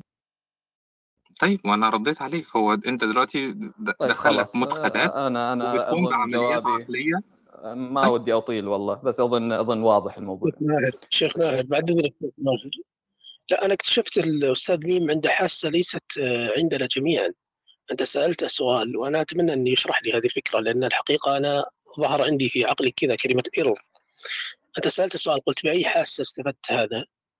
قال بالقراءه ما بلاش ما بلاش الأسلوب بتاع عنده حاسة مش موجوده عندنا جميعا إحنا خ... يعني لا، بلاش معذره معذره إيه؟ معذره معذره والله والله لا أريد السخرية والله بالفعل لا أريد السخرية لكن أنا صديق اسمعني أستاذ يعني والله. اسمعني أنا أعتذر منك أنا أعتذر منك. طيب. أنا أعتذر منك أنا أعتذر منك واسمع الفكرة. هو سأل قال طيب. لك أي حاسة؟ أنت رددت عليه بالقراءة. هل القراءة حاسة عندك؟ تفضل. لا لا القراءة مش حاسة الحاسة هي النظر ال- الرؤية البصر. أنت رأيت شيء؟ الرؤية المدخل تنقل لك المدخل المدخل للعقل كان عن طريق المدخل للعقل كان عن طريق البصر. فهنا البصر أنت رأيت شيء الشيء ده كان مكتوب. بس. استاذي استاذي الرؤية تنقل لك أحرف. الرؤية تنقل لك نقش. كذا أسود خطوط. ما في فرق بين عربية وصينية تنقل لك رقوم. فهو يسألك الآن عن حاسة آه، آه، هو سألك عن فكرة وهي حصر عمل العقل في معطى الحواس. وسألك عن هذه الفكرة الكلية. من أين أتيت بها؟ قلت له أنت. قال ما هي الحاسة؟ سألت أستاذ مين مين مين مين مين مين خلينا كذا نكون مباشرين. أنا ما أحب التوهان. هو سأل قال لك من أي حاسة استفدت منها هذا الحصر الكلي؟ قلت له من القراءة. إيش معنى؟ أي شخص يسمع هذا الجواب؟ معناه أن تعد القراءة حاسة. القراءة ليست حاسة. القراءة. عندك نواقل وهي ال- العين تنقل لك هذه النقوش وهذا ثم أنت تبدأ تعمل عقلك. وهذا ليس جواب أصلا. هذه تنقل لك أفكار. أنت إذا كان عقلك لا يعمل إلا في مدخلات الحسية في الفكرة التي يذكرها لك الكاتب إذا لم يكن لك أصلا مدخل حسي حولها ما فهمتها أصلا. فهو يسألك هذا الحصر الكلي من أين أتيت به؟ هذا ليس جوابا. أنت زدتنا حاسة سادسة القراءة؟ وأتيت بحصر ما أدري من أين أتيت به. تقول من القراءة. القراءة هذه لم تفدك فكرة جديدة. القراءة هذه نقلت لك معلومة. هذه المعلومة أخذتها من حاسة أو من غير حاسة؟ سابقة. قبل القراءة. هذه الفكرة ببساطة. من غير حاسة إذا لن تفهمها. أنا أقرأ عن معلومة ما درستها من قبل ما أفهم. أوقف شوية. أروح أبحث أروح أقرأ أروح كذا. يمر بي مصطلح جديد ما أعرفه. فالحقيقة يعني أنا أنا لم لم أسمع جوابا مين اكتشفت طيب. عندك حاسة ج- سادسة يعني. طيب الموضوع ببساطة عشان كده الطرحين مرتبطين ببعض يا أستاذ فارس. ليه الطرحين مرتبطين ببعض؟ عشان في الطرح لما كملت قلت لما يبقى في عندنا كلام منطوق أو مكتوب الكلام دوت بيكون ليه دلالات منتزعة من الخارج. مثلا زي ما أنت بالضبط قلت دلوقتي لما بتقرأ شيء وفي كلمة أنت ما فهمتهاش بتروح تبحث عن معنى هذه الكلمة. مثلا أنا الآن لو قلت لك كلمة باللغة الألمانية تش هذه الكلمة بالنسبة لك مجهولة. لو سواء أنا قلتها منطوقة أو أنت رأيتها مكتوبة. بناء عليه أنت ممكن يحق طالما أنا ذكرت كلمة مجهولة بالنسبة لك ملهاش صورة في الذهن بالنسبة لك فأنت يحق لك أن أنت تسألني أن أوضحها. فأنا يجب علي علشان آه، أوضحها لك أن أنا أبسطها لأشياء أخرى. فأقول لك مثلا تش هي سطح مستوي يقوم على أربعة أرجل يصنع من مادة كالخشب أو من مادة كالحديد. فأنا هنا بسطت الكلمة وشرحتها لك. كل كلمة أنا نطقتها أو لو كنت تبحث ستجدها مكتوبة. كل كلمة مكتوبة. هي توافق صورة ذهنية. والصورة الذهنية دي منتزعة عندك من الخارج. فإذا القراءة أو الاستماع هم يعني بيعملوا على الحواس وهذه الحواس بتشتغل وبتستدعي من الذاكرة البشرية صور. الصور ديت منتزعة من الخارج متحققة في الخارج. علشان كده طرحين مرتبطين ببعض.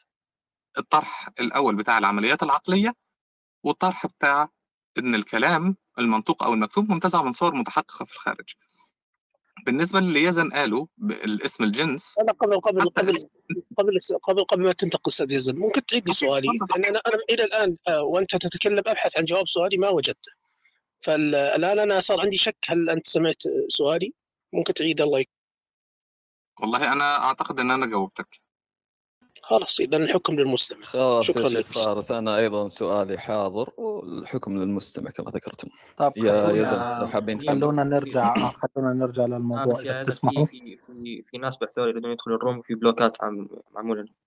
آه أكيد أنا. طيب. آه، بس قبل قبل آه، لا تنزل أنا بس بدي محاولة أخيرة. آه، يا ميم هذه الفكرة هل نحن مؤهلين للتفكير فيها التي أنت ذكرتها أم ينبغي أن نلقيها وراء ظهرنا؟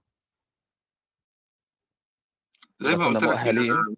فاذكر لي اذكر لي الحاسة التي آه، يعني وجدتها وجدت هذه الفكرة بها. سريعا يعني ما يحتاج الموضوع طويل. يعني اذكر لي بس أي حاسة يعني. في حواس خمس. سمع البصر الشم ذوق إيش؟ الفكرة دخلت للمخ عن طريق إيه يا يزن يا ماهر.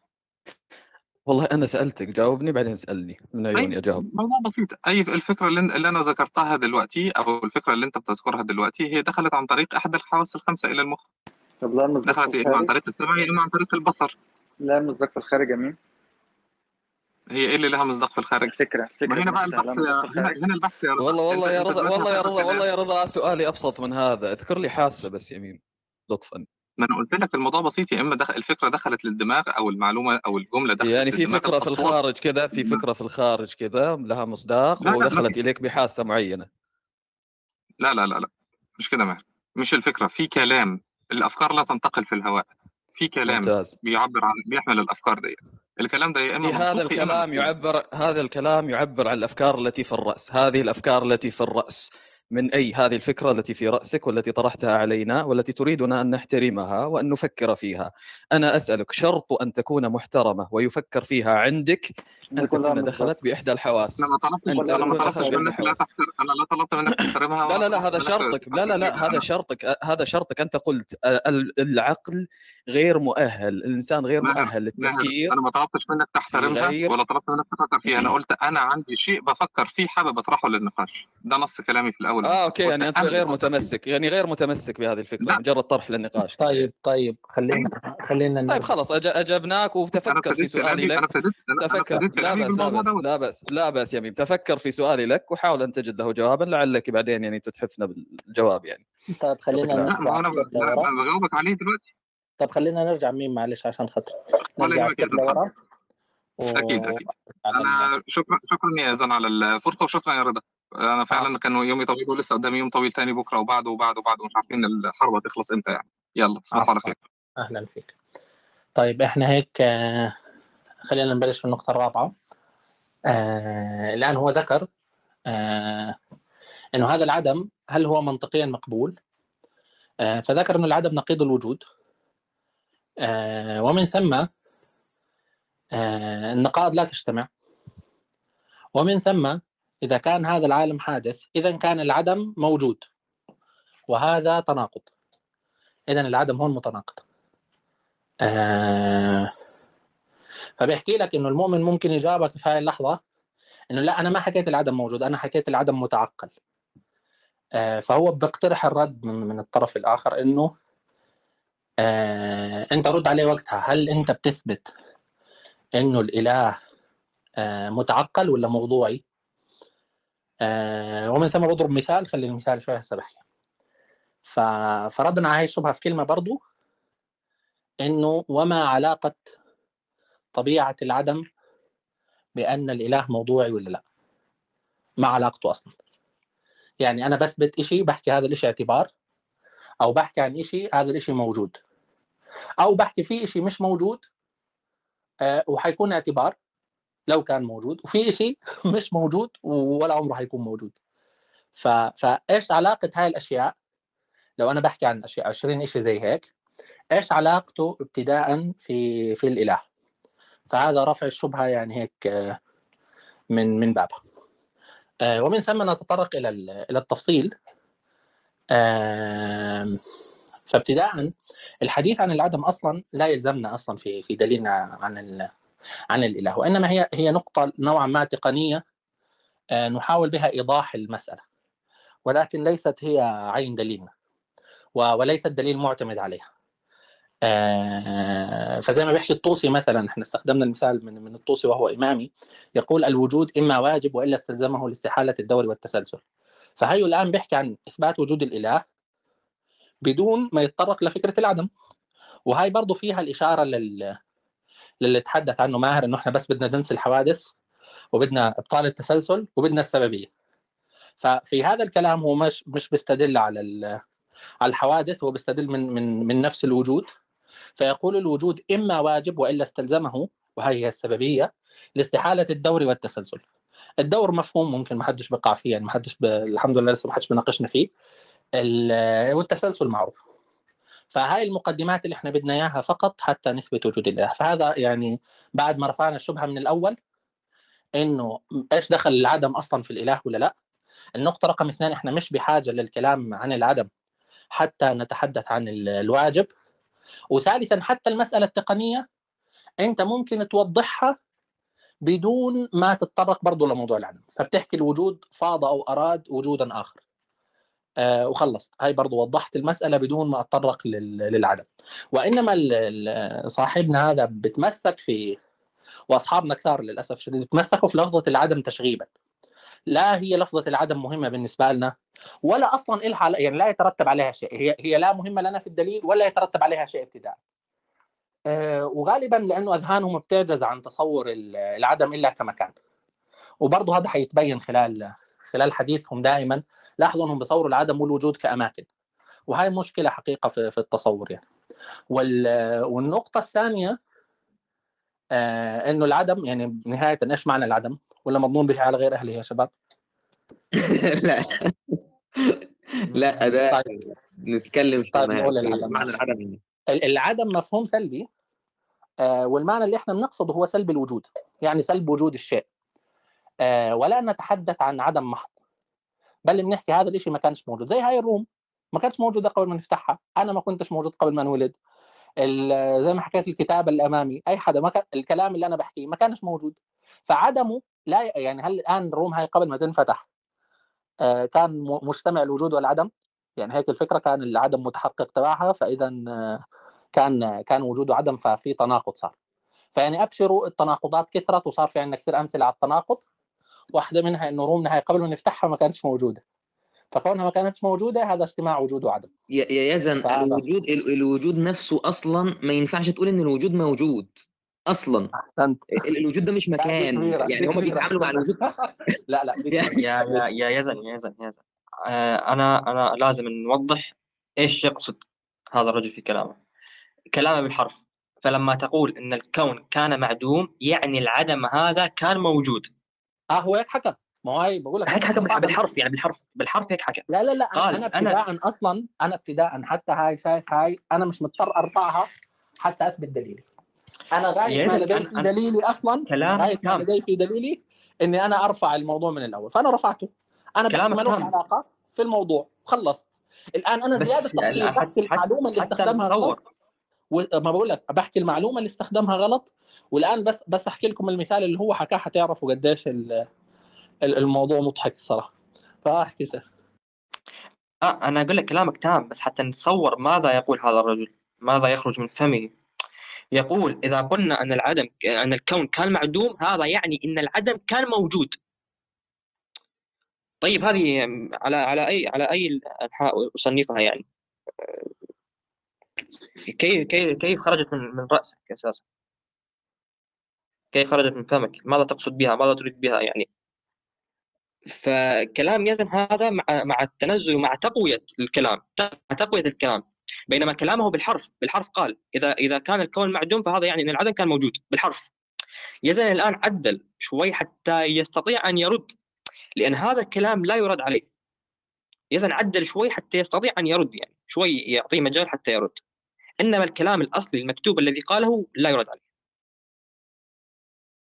هو برضه استخدم دليل حلو شو حكى لك. قال لك أنا مش الشيخ فارس يعرف ال- الكلام ما بنبناش عليه شيء بيحكي لك أنا بقدر أثبت لك ولاحظوا كلمة أثبت لك التنين الأزرق أبيض العينين في مجرة أندروميدا لأنه ما عندي مانع عقلي إنه يكون موجود فهيك أثبت لي. ف... فأنا ردي على هاي النقطة صراحة إنه إحنا كلنا سعيدين إن شاء الله ومبسوطين مشان مشان أنت قدرت تعمل زيك شكرا لك. طيب حد عنده تعليق أو ننتقل للنقطة اللي آه عندي على النقطة الأخيرة هذه هذه النقطة الأخيرة أنا سمعتها من من من دكتور تخنين أيضا في غرفة سابقة قال ال- أنا في في ذهني تصور للعنقاء وهذا التصور ممكن فهل هذا يعني إنه موجود في الخارج؟ أو قال إن أنا أتصور عنقاء الآن على المريخ هذا لا مانع عقلي منه فهل هذا يعني إنه موجود؟ هذه محاولة آه، تدليس على المقابل المقابل لا يقول لك إن مجرد الإمكان هو دليل للثبوت في الخارج ولا حد ولا مؤمن ولا موحد قال بذلك المؤمنون أو الموحدون أنت لا, لا والله يا سيف أنت ب... أنت بتشرح لا يزن يزن. هذه هذه يزن يزن والله شيء من أوضح الأشياء يعني أعرف أعرف لسه أعرف. إحنا نحكي شو تعريف. الإثبات يعني لا حول ولا قوة إلا بالله ف بو- بوقتها أنا سألت دكتور تخنين قلت له بالحرف دكتور تخنين هل برهان الحدوث الكلامي الفلسفي بمجرد حدوث شيء واحد؟ ايا كان. على أي تقرير؟ هل برهان الحدوث من نفس جنس إن العنقاء يمكن أن توجد في الخارج؟ قال لي بالحرف أنا لا أعرف دليل الحدوث لأنه يعرف. إذا قال أو أقر دليل الحدوث فهذا يعني إن دليل الحدوث ليست مجرد فكرة ذهنية بل فكرة بل بل بل بل قياس منطقي له انعكاس على الخارج ليس مثل العنقاء فقط اللي هي اللي هي فكرة ذهنية لا انعكاس ولا ولا ولا حكم يو- يوجب وجودها في الخارج لا الحدوث أو برهان. برهان الإمكان برهان الحدوث على أي تقريراته هو آه، قياس منطقي يحكم بوجوب. بوجوب حصول النتيجة الذهنية في الخارج فهو يأتيك يريد أن يصور لك إن فكرة إن دلائل المؤمنين هي من نفس آه، إن العنقاء ممكن أن توجد في الخارج. وهذا تدليس كمل. طيب النقطة القادمة إهداء لأبو أمير أبو أمير آه، أتمنى تكون موجود معي. ال- النقطة بتحكي لك آه، برضه هو بيكمل على موضوع العدم بيحكي لك كيف ستتصور العدم المحض الذي هو حتى تص- تتصوره يجب أن تكون لذاتك المفكرة غير موجودة. آه، لأنه لو كان هناك عدم قبل 13.8 مليار سنة فعقلك لم يكن موجودا. فكيف ستتصوره؟ آه، ولا بدك تأخذ موقف الإله اللي اللي أنت بتحاول تثبته؟ هاي مصادرة على المطلوب. فتفضل جاوب على النقطه هاي هذا هذا أنا بس أنا ودي بس الشباب يعرفون مستوى مستوى الطرح الذي نناقشه. يعني جزء من الإشكالية إنك كيف مش ترد كيف تبين يعني كيف تعيد الكلام بطريقة تجعله مستحق للرد أصلا؟ أحيانا مجرد قراءته تبين ما فيه من ترهات يعني أنا أقول لك الآن يعني كما لو قال شخص أمي وأبي غير موجودين لأني أنا كنت معدوم أه، فهم غير موجودين قبلي. لأني أنا لازم أكون موجود قبل أن أولد حتى أعرف أنهم موجودين قبلي. بس في هذه الفكرة ترى أه، هذا لب هذا الحمق الذي قيل.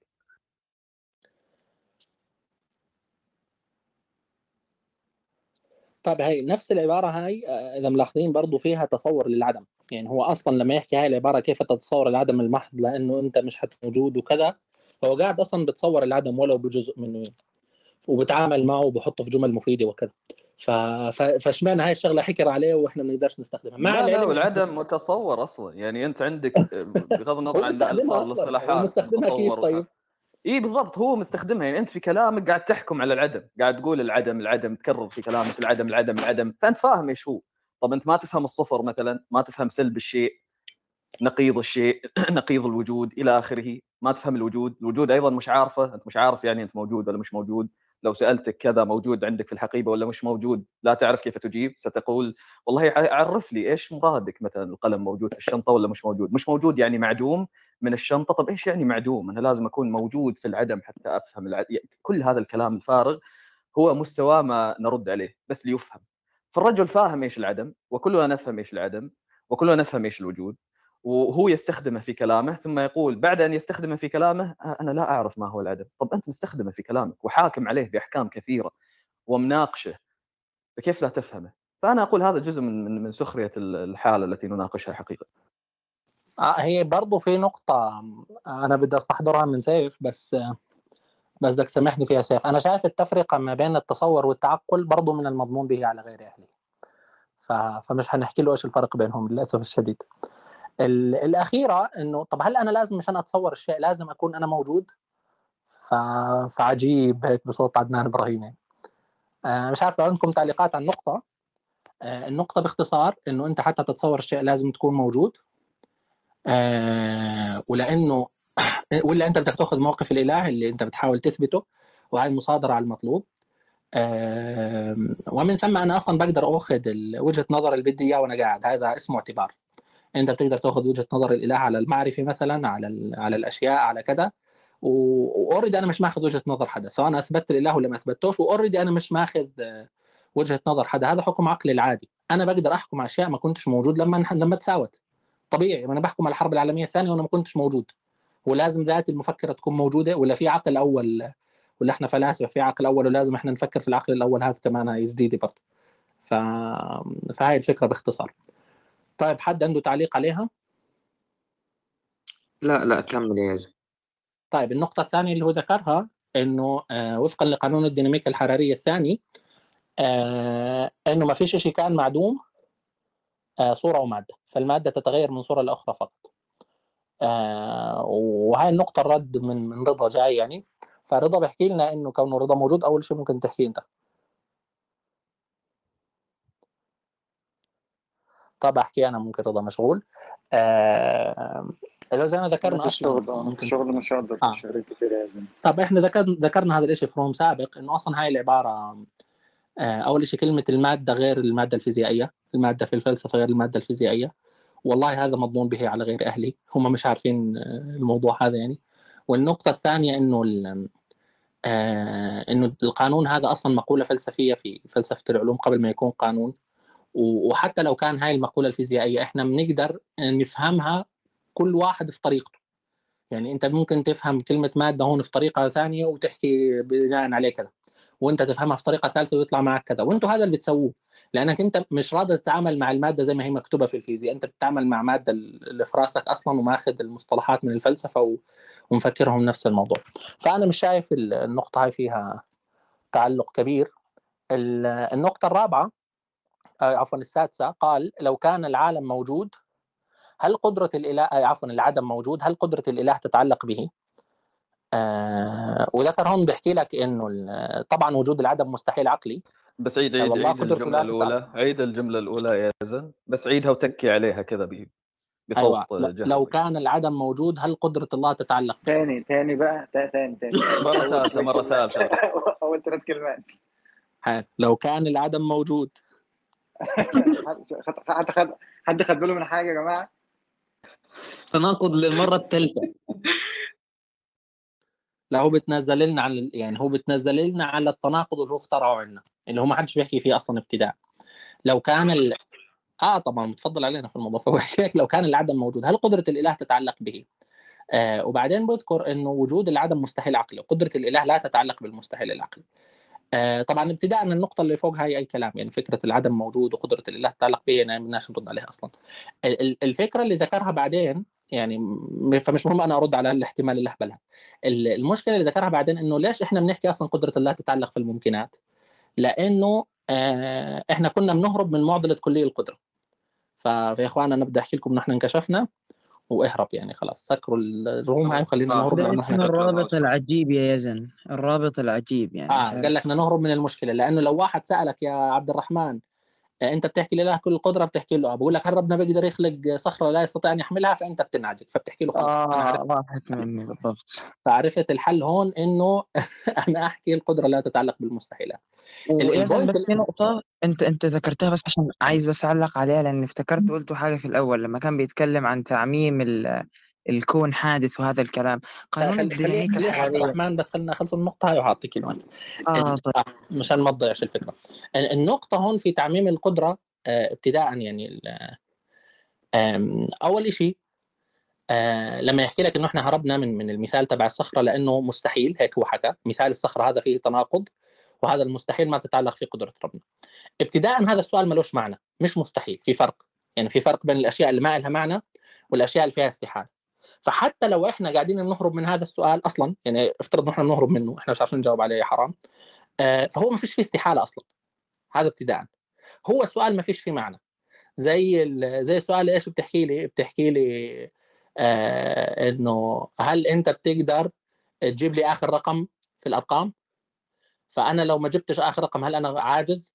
هل أنا ماليش قدرة؟ أو تحكي لي إيش؟ الرقم اللي فيش أكبر منه؟ أو تحكي لي هل طلق الأعزب زوجته؟ أو هل يستطيع الاعزب تطليق زوجته؟ فلو ما طلقهاش دير بالك حيكون عاجز ومش قادر وكذا. فهو السؤال ابتداء ما له معنى. يعني السؤال أصلا ابتداء ما له معنى بالنسبة لنا حتى نحكي إنه مستحيل. الملاحظة المهمة هنا يا يزن أن هذا مش في الخالق يعني مش أن هي معضلة عرضت لنا فيما يتعلق بالخالق فهربنا آه إحنا هذا هربنا دير لا هذا في الخالق.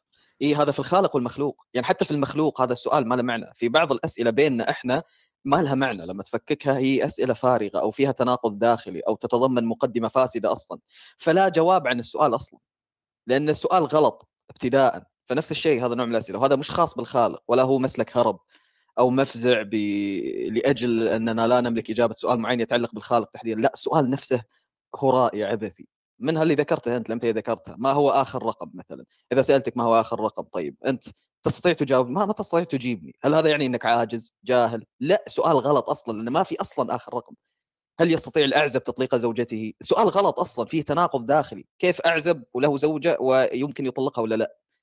فهذا النوع من الأسئلة أسئلة فارغة أصلا فيها تناقض داخلي أو فارغة من المعنى أو تتضمن مقدمة فاسدة فالسؤال غلط ابتداء ونفس الشيء هذه الأسئلة يعني. فيما يتعلق بالخالق أنا والمخلوق بحكي الخالق. يا يا أبو أمير بحكي ولن تجد الإجابة عن سؤال به خطأ. يخذلك السؤال. فما فيش ما فيش إجابة صحيحة عن سؤال خاطئ. إحنا كنا نحكي الكلمة في الجامعة ونتغنى فيها. لا يوجد إجابة صحيحة على سؤال خاطئ. فالسؤال ابتداء خاطئ أصلا. فهو يعني لا يفر منه حتى أنا خايف منه أصلا. والنقطة الثانية وهي الأهم إنه أنت رتبت إنه هذا مستحيل. فإحنا هربنا لأنه مستحيل وهو مش مستحيل. هربنا للكلام عن كليه القدر. طبعا هذا كلام هبل. يعني هاي غلط والكلام مش مصطلح من الهبل اللي صار. وصدقا إحنا كيف بنستدل على عموم القدرة؟ آه، إحنا كنا بدنا نتناقش فيها امبارح ف... فأنا كنت شايف بعرفش إذا الشباب شايفين شيء ثاني أنا شايف عموم القدرة مضمون به عليك. يعني أنت ما بتستاهل تعرف إحنا كيف استدلينا على عموم القدرة. أه وتفضل أبو مينا. لا ابد كلامك على تمه ما ما عندي زيادة. وعلى سؤال الصخرة عشان برضو نبين الغلط فيه مش إن إحنا نضرب أمثلة وخلاص لما يقول لك هل يستطيع الإله أن يخلق صخرة لا يستطيع أن يحملها؟ هو كأنه بالضبط بالضبط ترجمته هل يمكن لمطلق القدرة أو للقادر مطلقا أن يكون عاجزا؟ هو هذا السؤال بالضبط. فمش محتاجين نبين التناقض فيه يعني. هل يمكنك أن تقدر على قدرتك يعني في بالضبط. طيب. طيب أنت كنت عايز تقول حاجة يا عبد الرحمن عن على امعانا الاولى فاحكي امعان اخذ منك امعانا في امعانا في أيضا تبسيط السؤال هل تقدر هل يقدر ألا يقدر؟ بالضبط بالضبط. هي كلها يعني على نفس الفكرة. آه ه- بالنسبة هل أنت كإنسان تقدر أن تجعل نفسك جاهلا؟ بالضبط. هل للعالم أن يكون جاهلا؟ بالضبط. لما كان بيتكلم عن قانون الديناميكا الحرارية وبيعيب علينا مسألة التعميم صباح الخير مين هنا اللي كان بيعمم؟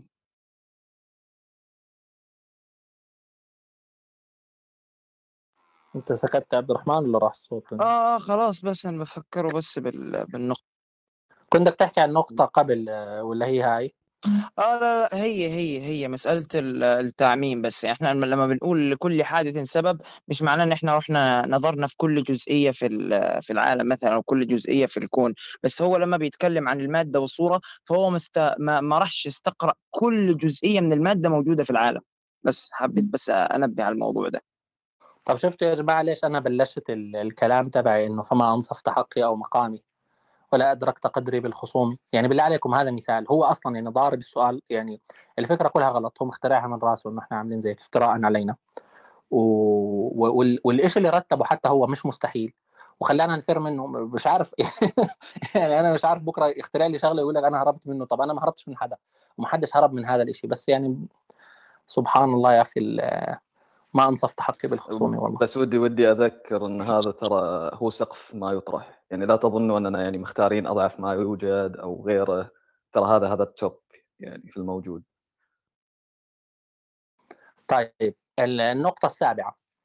آه المتكلمين حتى يوافقوا الدين كان يجب طيب أن أيضا يثبتوا إله النقطة يخلق السابعة. أنت أنت حكيت حكيت. في قول فأنت تقول له كون له له كون قدرة الله لا تتعلق إلا بالممكنات فالعدم الموجود مستحيل فقدرة الله لا تتعلق به. يعني يقصد أنه بما أن نقول أن الكون مسبوق بعدم على يعني على قول بعض نسخ الحدوث فهذا يعني أنه هل الله سبحانه وتعالى قدرته تتعلق بالعدم حتى يحدث منه شيء؟ فهو متخيل أن العدم عجينة. ولا لا؟ آه هم في البداية والله ما أنا حكيت ال- الفكرة إن هم متصورين العالم كان. وهي يعني خلال حججه مثلا كان يحكي آه عبارة بس أنا مش هنقلها لأنه آه هو يظن أن العدم عجينة. فهل هل لا حتى الوجود بيحكي لك لا لا، في واحد في الروم هذيك أنا حكيت لك تنقلها بس أنت ما, ما نقلتهاش ال- النقطة هاي. ال- اللي هو في واحد حكى له في الروم آه إنه في هم بيحكوا وجود صدر عن وجود. اللي هي العبارة اللي أنا بحكيها دائما آه فهو شو رد عليه؟ قال له إيش ان الاله خلق من حاله. فهو متخيل نفس الوجود مادة. هو أصلا متخيل ال- الجسمانية اللي في راسه ال- ال- المبدئية هاي متخيلها في الوجود وفي العدم. يعني هو مش عارف ينفك عنها لا هون ولا هون. وهي إشكال لأنه أنا بدي دليل. يعني أنا أنا أنا كشخص أنا بعرف إنه الوجود كلية تجريدية أعلى وهو أصلا نفس ال- الدكتور تخنين بيحكيها في كل روم. الوجود كلية تجريدية أعلى من المكان والزمان. فأنت لما بتحكي لي إنه ال- الوجود مكان وزمان أنا بدي دليل يا أخي أعطيني دليل. يعني ما بزبطش أنت بتحتكم لي للجهل حرفيا. وأنا في مرة يعني في تناقشت فيها مع دكتور تخنين وكنت أحكي عن الكعكة. ف... ف يعني كنت مصر على هاي النقطة ممكن الشيخ فارس كان في هاي الروم. يعني ما فيش جواب هو ما في دليل هاي احتكام إلى الجهل. إحنا من جهتنا بنحكي هل يوجد إحنا عندنا تساؤل هل يوجد موجود ليس من جنس ال- الأجسام؟ مثلا هيك ابتداء. والأجسام هون بالمعنى ال- الاصطلاحي الكلامي فهل يوجد آه، جسم آه، عفوا موجود ليس من باب الأجسام ليس ليس متحيز ليس كذا؟ فالآن أنت بعد ما تحكي زي هيك بنقيم الدليل على وجوده. شوف. شوف أنت ال- ال- الفرق في بين. بين الطرحين. هو يدعي إنه في اتحاد ما بين الزمان والمكان والوجود وإحنا بنقيم دليل عليه. إحنا مش عارفين ولا هو عارف لكن هو على أي أساس بنثقها ما بتعرف. يعني ابتداء هي ما فيش ما فيش شيء يلصقها. فيا عندي دليل لضد يا عندي دليل لمع يا بحكي ما بعرف. فهم ما عندهم دليل لمع وبصروا عليه. إحنا عندنا الدليل اللي ضده وبنحكي و... و... وهي هي المسألة باختصار. طيب. بتحبوا بس تعلقوا كمان أو نقطة للنقطة تنظيمية آه، آه، إحنا إحنا قفلنا الشات علشان إنه آه، كثير ال- ال- الغرفة تحصل فيها مشاكل عندهم بسبب زخم الرسائل مش أكثر يعني. تفضل ياسر آه مش أنا اللي فتحت الشات أنت فكرتك آه, آه ماشي. طيب آه ال... تحصل مشاكل آه، رسائل تحصل مشاكل لا لا ما تفتحوا ما تفتحوا شات. أنا كنت مسكرها أصلا بأول طيب ال- النقطة السابعة بيحكي لك المتكلمين حتى يوافقوا الدين كان يجب أن يثبتوا إله يخلق من أستاذ عدم يزن نعم. يزن. المعذرة فقط النقطة ال- ال- يعني ما أريد أن أقول أنها يعني مضحكة قليلا. هو قال إذا كان العدم وإذا كان العالم معدوما آه، فكيف يجعله الإله موجودا؟ هذا يعني جمع بين نقيضين وهذا مستحيل. الحقيقة يعني أنا طول لا الوقت لا لا يعني لا أمسك نفسي. لا لا يا شيخ فارس هو؟ كبرت الموضوع. هو بيحكي لك لما كان إذا كان العالم حادث يعني قبل العالم كان العدم موجود. إيه طبعا سمعنا هذه النكتة. بعد ذلك طيب إذا كان العدم موجود؟ آه بيحكي لك قدرة الله لا تتعلق في المستحيلات. كيف لا تتعلق بالمستحيلات؟ أنا لأنه فهمت كلامه أنه العدم يقول مستحيل. أنت متخيل الفكرة؟ بس طبعا لا لا لا لا نقطة قال لأنه لك في العدم في العدم اجتماع والوجود نقيضين آه لأنه العدم نقيضين والوجود إي. إي أنا إي نفس أنا هي الموضوع الموضوع الترتيب مضحك يا شيخ فارس. أنا متصور يعني إنه يعني يصعب أحيانا تصويره. هي الفكرة يقول لك إذا كان خلق بعد عدم فهذا العدم موجود. موجود قبل قبل العالم قبل العالم. والعدم الموجود هذا تناقض. فيه اجتماع نقيضين و- والت- وها قدرة ال- وقدرة الله عز وجل لا تتعلق بهذا الممتنع اللي هو اجتماع النقيضين. يعني إذا فهمي صحيح يا شيخ ماهر. طبعا الترتيب مضحك هو يقول العدم موجود ثم بعد ذلك يقولنا في آخره كيف يجعل الله المعدوم موجودا. يعني هذه النكت يمكن واضحة لجميع المستمعين وأنا أؤكد أني لا أقول إنها طرف أو نكت للاستهزاء بها أو السخرية لكن بالفعل هي أشياء يعني نحن بشر يعني ننفعل ونضحك لا لا, لا أنا أنا أسخر أنا أسخر يا شيخ فارس. كل واحد يعني هو ال- الشيء اللي يراه لكن أنا فقط لن أشرح هذه القضية المغالطة فلسفيا.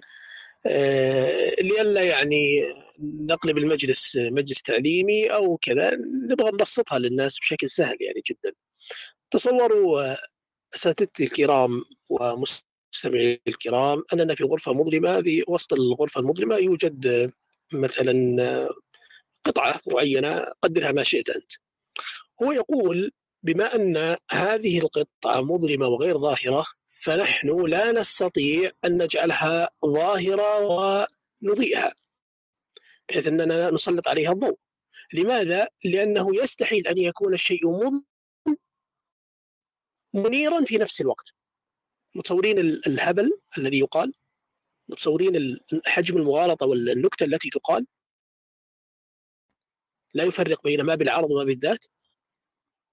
هو يعني هكذا هو يقول يقول بما أن هذا الشيء مظلم لا هي كذا كلمة رميناها يعني اللي يفهم بيعرف يعني أنا إلى أين أرمي ولا هو أنا عارف إن هذا الخبط يعني الذي يقوله هو. فالقصد إن اللي هو هذه القطعة مظلمه يعني كما أننا نقول مثلا يعني أنا أشبه لكم العدم بالظلام لتتضح فقط الصورة للمستمع الكريم. فهو يقول بما أن هذا الشيء مظلم فإننا لا نستطيع أن نجعله مضيء. لماذا؟ لأنه سيجتمع النقيضين سيصبح مظلم مضيء. والعاقل يحكم. على هذا الكلام الذي لا يعني والله جالسين نضيع وقتنا. يعني أنا أسمعك يا أستاذ يزن أحس أنه والله يعني الوقت جالسين نهدر وقت هو يعني. هو يا شيخ فارس يعني أنا شايف إنه لابد في في مرحلة ما آه نوقف ونمسك هاي ال- الأشياء للأسف دون المستوى. حتى نوضح للناس إنه يعني يا جماعة والله إحنا ما وصلنا للمرحلة يعني صدقا وما وما آه وما انصفت قدري بالخصوم. والله صدقا ما وصلنا لهي المرحلة. آه، إذا المطالبة يعني آه، هم جماعة خلص بدهم هيك وفي حقوق بدهم إياها. يا سيدي أنا والله ما مشكلتي من الأول وكل الناس عارفين. لكن فكرة إنه الاستعلاء في الموضوع إنك تظن إنه أنت عندك والله ما عندك حجج. وصدقا يعني يعني لعلي أكثر واحد على ال Clubhouse وممكن الجميع عارفين أنا ما بحب ألزم الناس. ولا بحب أطلع ال- الفصافيس هاي ولا بحب أمسك واحد وأحشره في نقاش ولا بحب أناظر حدا مع إني بقدر. لكن أنا عمري ما عملت زي هيك يعني ما ما بحب هاي الطريقة ولا الأسلوب في التعامل مع الناس. لكن فكرة إنه يعني نكذب على الناس وتفتروا علينا. وأسمع أسمع اللي بيسبوا على ال- الكلام والمتكلمين وفي كل room واللي بيسخف من الموضوع واللي بيحكي هذا غليط وطبعا وفي برضه من الطرف للأسف ال- المسلم من يبرر لهذا الشيء لأنه بيستخدم الموضوع بشكل خاطئ يعني للأسف. لا لكن آه، طبعا أنا مش وصل مشان ما أحكي حد يحكي ولا ما يحكيش. لكن بكل الأحوال آه، يعني من حقي أنا في لحظة ما أحكي لا يا جماعة أنا شايف كذا. فأنا بعبر عن رأيي قاعد هسه في هذا الموضوع. و... وأنا شايف إنه إحنا- أنا كاتب الموضوع وأنا حبعثه لاي حدا بيسألني عنه بعد الروم وممكن نسوي آه، جروب على التليجرام حتى نوفر ال- الموضوع وحنصير نحط الأشياء اللي إحنا بنحكيها كتابيا وحتى حنأسس للموضوع من الأول حتى نصل للناس إنه ما فيش حدا بيحكي كلام مش مفهوم على الكلاب هاوس وهم اللي بيحكوا كلام مش مفهوم لأنهم مش عارفين يوصلوه. بينما لو أنا مسكت الكلام واحدة واحدة حنصل للمعنى اللي بنحكى. وبدل ما إحنا نرتب الكلام الموجود ونتجاوزه وإن كان الترتيب ممكن ياخذ معنا وقت شهر يا سيدي. لكن أنا بعد الشهر بكون أنجزت. مش إلي سنة أنا على كلاب هاوس إحنا مش عارفين نمشي ونعدي أو نناقش كتاب أو نحكي في موضوع. لأنه كل واحد بس بده يرمي كلمة وفلان بده يتطاوش مع فلان وفلان. لا يا جماعة خلينا نمشي. فإحنا خلينا نتعب شوي في الترتيب نرتب أفكارنا نحكي في المواضيع هاي نحكي ليش ال- ال- الحج والحجج هاي زي ما ذكر ماهر يعني أنا أنا فعلا ما سمعتش شيء خرج عنها. وهاي الحجج موجودة في كل مكان أنا بديش أذكر أسماء مشان ما حدش يزعل مني بس ال ال الأسماء هاي يعني كل الحجج من الكبير للصغير من من فلان لعنتان أحمد سامي كونه ذكر لا أصغر واحد فيهم الكل بيحكي نفس الكلام. فأنا الآن يعني بمسك هذا الكلام وبوري للناس مدى صدقا تهافته يعني آه، يعني هو مش متهافت على مستوى واحد وهاي الإشكال يكفيني أصلا مستوى واحد. لكن لما يكون الخلاف على مستوى واحد زي خلافي مع ماهر أو خلافي مع رضا أو كذا بيكون في عندنا خلاف في شغلة دقيقة. فبصعب علينا هيك نبين الغلط هذا للناس. بت- بتكون تحاول تبحبش حتى توصل الغلط هذا للشخص اللي قبالك أو كذا. لأنه فعلا الخلاف بيكون في نقطة دقيقة وكذا. آه بينما يعني اللي أنا شايفه هون أنا أصلا مش قاعد مش قاعد بناقش. يعني أنا قاعد بحكي لك هو غلطان بالأساس وفي البناء بالخطوة الأولى والثانية والثالثة وفي الاستدلال اللي استدله في المثال اللي طرحه. طب أنا شو أسوي أكثر من هيك؟ يعني أنا هل هذا هل هذا خصم؟ هل هذا نقاش؟ هل أنا بعمل إيش؟ مش عارف. فأنا شايف اقسم بالله العظيم. نتجاوز وننتقل للمفيد. آه يا رضا امبارح في بعض النقط وبنسجلها وبتاع وكده. أقسم بالله العظيم أنا وأنا باجي بكتب الجملة والله العظيم بضحك وبقول معقول إحنا وصلنا للمستوى ده؟ هن- هنكتب, الكلام ده؟ والله يجي مرتين ثلاثة ويزن يوقفني وبتاع وأنا أقول والله ما عارف أكتب أكتب إيه؟ تخيل تخيل كأنك قاعد في أولى ابتدائي تقول لحد يا حبيبي واحد زائد واحد يساوي اثنين والله العظيم رميت القلم وفضلت أضحك وأقول لأ إحنا إحنا بنهزر بقى. يعني إحنا عشان نرد على الكلام ده إحنا كده بن- بنهزر. يجي مرتين ثلاثة امبارح صبر نفس الموقف ده. طيب النقطة السابعة المتكلمين حتى يوافقوا يوافقوا الدين لازم يثبتوا إله يخلق من عدم. وهم بيتعاملوا مع العدم عادي. وأنت بتشوف المتكلمين على كلاب هاوس بعد فضح استحالة وجود العدم. مش عارف يا إخوان مين اللي حكى له العدم موجود؟ حتى هو شايل في قلبه على الموضوع هذا. فبحكي لك إنه في كتب علم الكلام بيتعاملوا مع العدم لحظة موجود. لحظة لحظة هو يقول أنه تمت تم فضح استحالة وجود آه. العدم؟ يعني استطاعوا استطاعوا أخيرا أن يثبتوا فضحونا. استحالة وجود العمل؟ يعني آه، لا لا يعني هذه على مدار. هذه نت... عانينا فيها ذي عانينا يعني معاناة والله في بيان استحالة وجود العمل العدم. والله إذا كان هذا طب الحمد لله. طب الحمد لله. الحمد لله الحمد لله. وصلنا الحمد آه. الحمد لله. طيب هو بعد ما فضحونا في موضوع العدم إحنا كنا متخبيين. فيا جماعة ما كنا عارفين إنه العدم مش موجود. شكرا يعني على على التوضيح هذا. فبعد هذا إحنا صرنا ننكر إنه في عدم. صرنا نحكي إنه إحنا بنقدر نتعقله بص الجملة اللي بعدها بقى. بص الجملة اللي آه. بعدها علشان أنا الدليل يعني شو الدليل إنه إحنا صرنا نخبي الموضوع؟ لأنه في كتب علم الكلام عادي جدا آه نقول إنه العدم موجود. لأنه في لا لا ثاني ثاني ثاني. إيه؟ إيه؟ بقول لك في إيه؟ كتب علم الكلام عادي جدا نقول إنه العدم موجود. دي رابع مرة إن لأنه- موضوع الحوار ان العدم موجود دي آه رابع طبعاً. مرة رابع. آه طبعا. أنتم متخيلين يا جماعة قاعدين يعني قاعد بتهم خصمه لهي الدرجة في السفه والغباء. وهسه بدي أوريكم من نفس الكتاب اللي هو طرحه. لحظة هذا بعدها هذا. متأكد؟ هذا متأكد قاعد يقرأ كتب علم الكلام ولا قاعد يقرأ لا، كان ويكيبيديا، ويكيبيديا. لا لا هو هو في لا. واحد حكى له عن ال- عن الموضوع هذا وهو فهمه غلط. بس أنا بدي أحكي لكم هو شو حكى ونرد عليه. الآن هو شو قال؟ قال لأنه في شيء اسمه تسلسل المعدومات. تمام؟ طبعا هسه أبو أمير حيضربني مشان تسلسل المعلومات أنا آسف يا أبو أمير. ال... الكلام بيحكي لك هيك يعني أنا الإشكال تبعي لا حكى- لا يفهمونك لا يفهمونك غلط إني مؤيد. ما في شيء اسمه آه. تسلسل المعلومات ما أصلا. في. هذا هذا عبط يعني. حتى في الكتاب هو مش حاكي تسلسل المعلومات. إي ما في ك... هذا التركيب تسلسل المعلومات هذا تركيب مش موجود. ه... هذا عبط محض لا وجود له يعني. هو يعبر عن عن عن العدم الأزلي أو العدم الذي لا أول له. هو جاء يبي يجتهد يبي يجود شوي. قال تسلسل معلومات قدحها من راسه تسلسل يا ريت- يا ريت- حط التاتش حط. التاتش حط التاتش. بتاعته.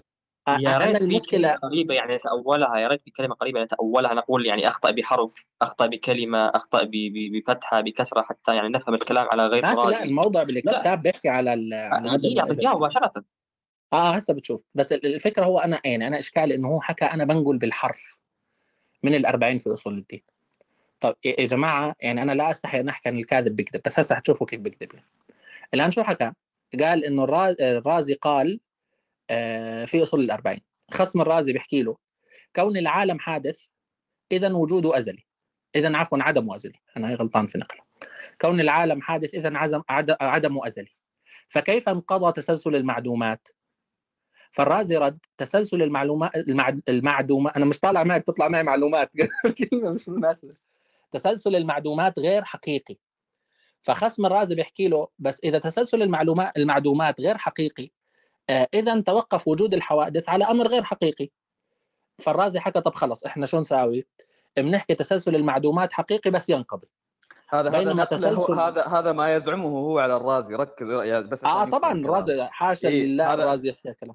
هو يزعم إن الرازي يقول هذا الكلام. آه طب طبعا هون بس برضه بدنا يعني نكون فاهمين شغلة. آه إنه أصلا عبارة تسلسل الإشي ينتهي ما لهاش علاقة لأنه هي هي الفكرة الأزلي ينتهي لأنه الإشكال ما بيترتب على شيء اسمه تسلسل شيء ينقضي. التسلسل إما أن يكون له أول ولا ملوش أول. الآن من الآخر هاي ما لهاش علاقة هي هاي علاقتها في الازل لأنه الازل المفروض لا ينقضي. الازل الموجود بس هسه تتوضح المسألة. المهم فبحكي لك إنه الرازي حكى خلاص آه، إحنا بنحكي تسلسل الموجودات لا يمكن أن ينقضي بس تسلسل المعدومات حقيقي بس يمكن ينقضي. فالرازي هيك بالنسبة لل- للأخ المحترم قبل بالتناقض. فخصم الرازي رد عليه. طبعا ما فيش خصم للرازي رد عليه لأنه هو أصلا آه، المسألة مش هيك هو الرازي ما كانش يرد أحد أصلا. ال- آه، المهم خصم الرازي اللي هسه احكيه هذا كلام كذب محض. هو نسبه لخصم الرازي وهو اللي حكيه الشخص نفسه. آه، قال اذا نرد عليه أن السكون عدمي لا وجودي. لأن كل شيء في الكون متحرك يعني الدليل إنه السكون عدمي مش وجودي خلوا بالكم يا جماعة الخير. لأنه لأنه لأنه كل شيء في الكون متحرك حتى ال particles. فالسكون كان أزلي معدوم ومن ثم انقضى وطرأت الحركة على الوجود بناء على خصائص المادة. لا حول ولا قوه الا بالله طيب ففي النقطة هاي يعني شوفوا أصلا يعني أنا حتى لو بدي أقبل هذا الكلام يعني على على الهبل اللي فيه. طبعا الكلام مش مقبول أصلا كذب. يعني كل الكلام هسه بس تسمعوا كلام الرازي حتعرفوا قديش هذا كلام هبل بس ال ال ال القصد في الموضوع إنه هو كيف أثبت السك... إنه السكون عدمي وال- والحركة هي الوجودية بس؟ لأنه كل شيء في الكون متحرك. يا سلام. لا لا. وخلي, وخلي بالك خلي بالك إن الرازي ما كانش بيقول الكلام ده ده لولا إن الخصم بتاعه ألزمه بهذا ولا ولا الشناعة. عاكس وطبعا لا المو... الموضوع بالعكس فعلا يعني الرازي كان يقرر مسألة مش في خصم والخصم افحمه وألجأه إلى أن يعترف بما لا يعترف به يعني. طيب أنا أصلا لما أول ما حكيت للشباب بقول لهم هل الرازي يعني جيبوا لي هاي تسلسل العدمات وجيبوا لي كيف سلم لهم فيها؟ بدأ يعني الرازي يسلم. يعني مو أنا عارف الزلمه المهم. ف... فاطلعت وقريت ال- الكلام يعني المهم حتى ينفهم ال- السياق تبع كلام الرازي صح؟ وشوفوا بالله خلي عليكم خلينا نعطيه فرصة يا يزن يعني لو يأتينا بهذا التركيب تسلسل المعدومات يعني نكون شاكرين له يعني. نعمل أولاد يا المعدومات جيبوا لنا تسلسل المعلومات يا جماعة الخير. طيب آه، هسه بجيب لك تسلسل العدمات أو تسلسل الاعتبار ولا زي. لا لا طيب تغششه ال... يا يزن لا يا أخي والله تغششهم. طيب.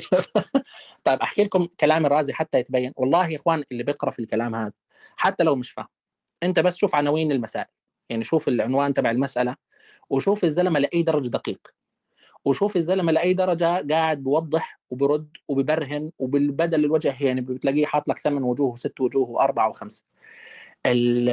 خلاصة القول. طبعا زي ما ذكرت إنه هذا كذب صريح على الرازي بالنسبة لي وكذب على خصمه.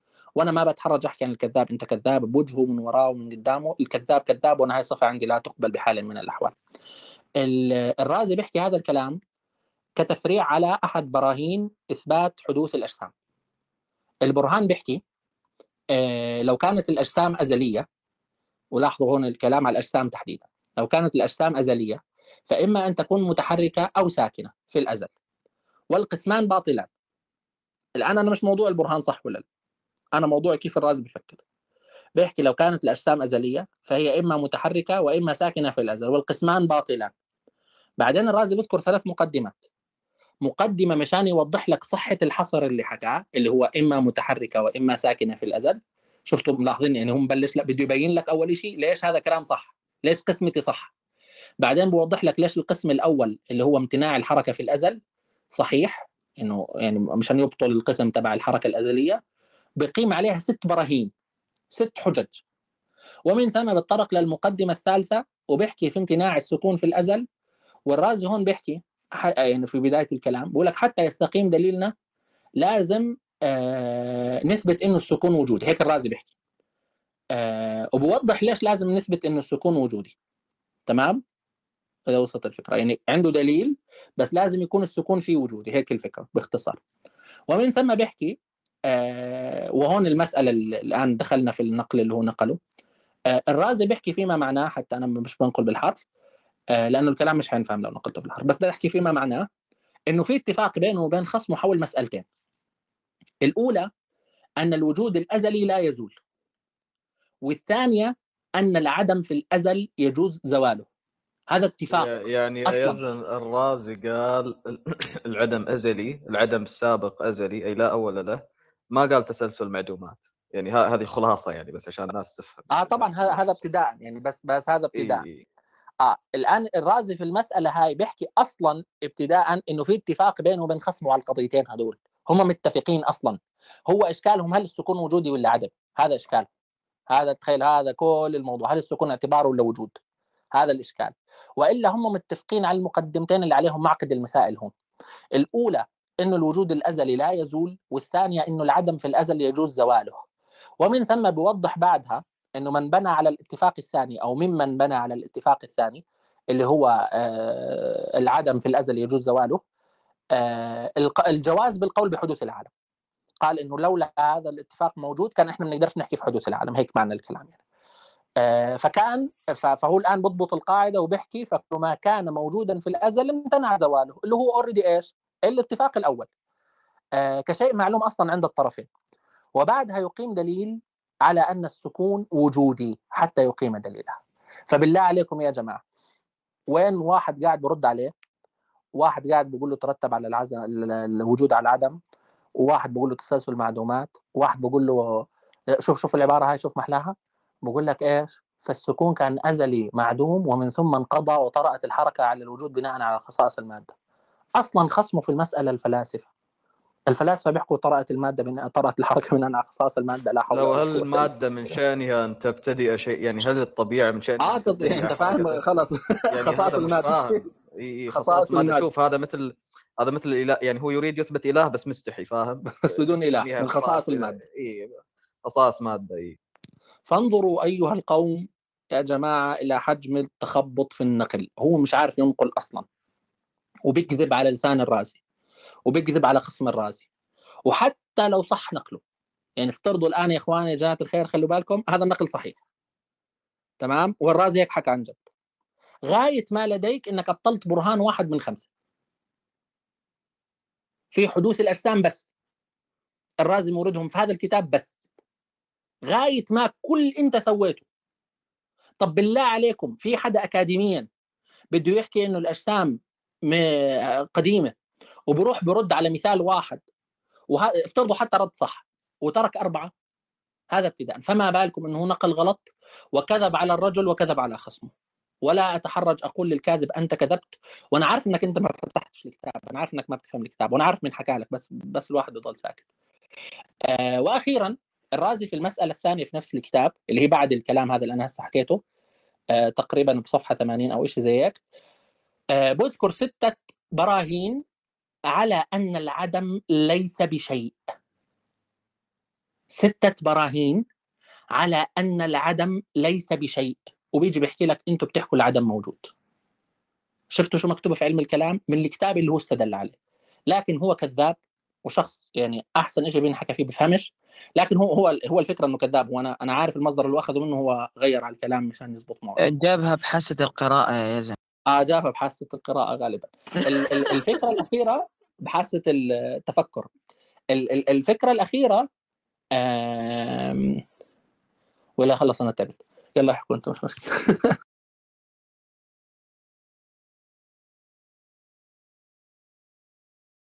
حد يقول يا جماعة؟ لا النقطة اللي بعدها إيه؟ اللي بعدها النقطة الثامنة بتاعت الزمان؟ آه التمنه اقرأ التمنه الزمان عند ده نص كلامه I quote.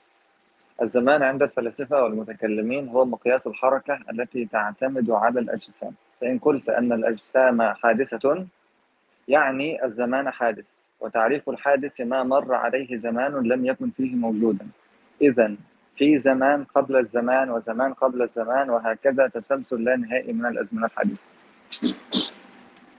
آه، المرة الثانية أو مش عارف الثالثة ولا الك- الكام مليار يعني. آه، حكاية تعريف تعريف الحادث من من أساسه باطل أصلا. فأنت لما ت- فأنت لما تبني على شيء باطل كل اللي بعده أصلا يترمي في الزبالة يعني. آه، رقم اثنين إن هو استدل بالتسلسل اللي كان بنفيه في النقطة الثانية آه، رقم ثلاثة إن في فرق بين زمنين. بين زمان. بين زمان موهوم وبين زمان آه، منتزع. زمان موهوم اللي هو أنا ممكن أجي أخترعه. ممكن أجي أخترع زمان إلى إلى ما لا نهاية في الماضي وإلى ما لا نهاية في المستقبل. ممكن أعمل اللي هو ال timeline. ده ده أنا أنا ال- أنا اللي ببتكره يعني. وممكن زمان المنتزع هو ده أغلب اللي الناس بت- بتسميه زمان. هو تعاقب حركة أصلا يعني. تعاقب الحركة ده هو إحنا بنسميه هو إحنا بنسميه آه، ده, ده اللي إحنا بنسميه زمان. فأنا مش عارف هو هو هو هو اعتمد على أنهي واحد منهم ما بين الخلط بين الزمان الموهوم وبين الزمان ال- ال- ال- المنتزع من الخارج اللي, اللي ناشئ عن تجدد ال- تجدد الح- تجدد الحركات. أنا آسف أنا في الشغل فمش قادر استفيض طيب حد بحب يعلق على النقطة هاي؟ لا يا نقطة تامة تامة. لا لا أنا حابب أقول حاجة بسيطة. أولى آه، آه، اللي هو آه، آه، دلوقتي هو الأول هو أصلا وقع في الدور وفي كلامه آه، الحالي دوت. هو الأول يقول لك إن الزمان هو مقياس الحركة اللي هي اللي هي الحدوث أصلا. يعني آه، خلي بالك. ال- الزمان هو مقياس الحركة التي تعتمد على الأجسام اللي هو حدوث. تمام؟ فإن قلت إن الأجسام حادثة يعني الزمان حادث. يا ذكي يا اذكى يعني يا اذكى أهلك. أنت كده دلوقتي بتقول الك- الكلام كده بالظبط. كأنه بيقول الحدوث هو الحدوث. كأنه بيقول إن لأن هو قال الأول الزمان هو مقياس الحركة بعد كده بيقول لك الحادث ما مر عليه زمان. طبعا بغض النظر عن التعريف بتاعه غلط بس منطق كلامه الداخلي أصلا منقود. بس.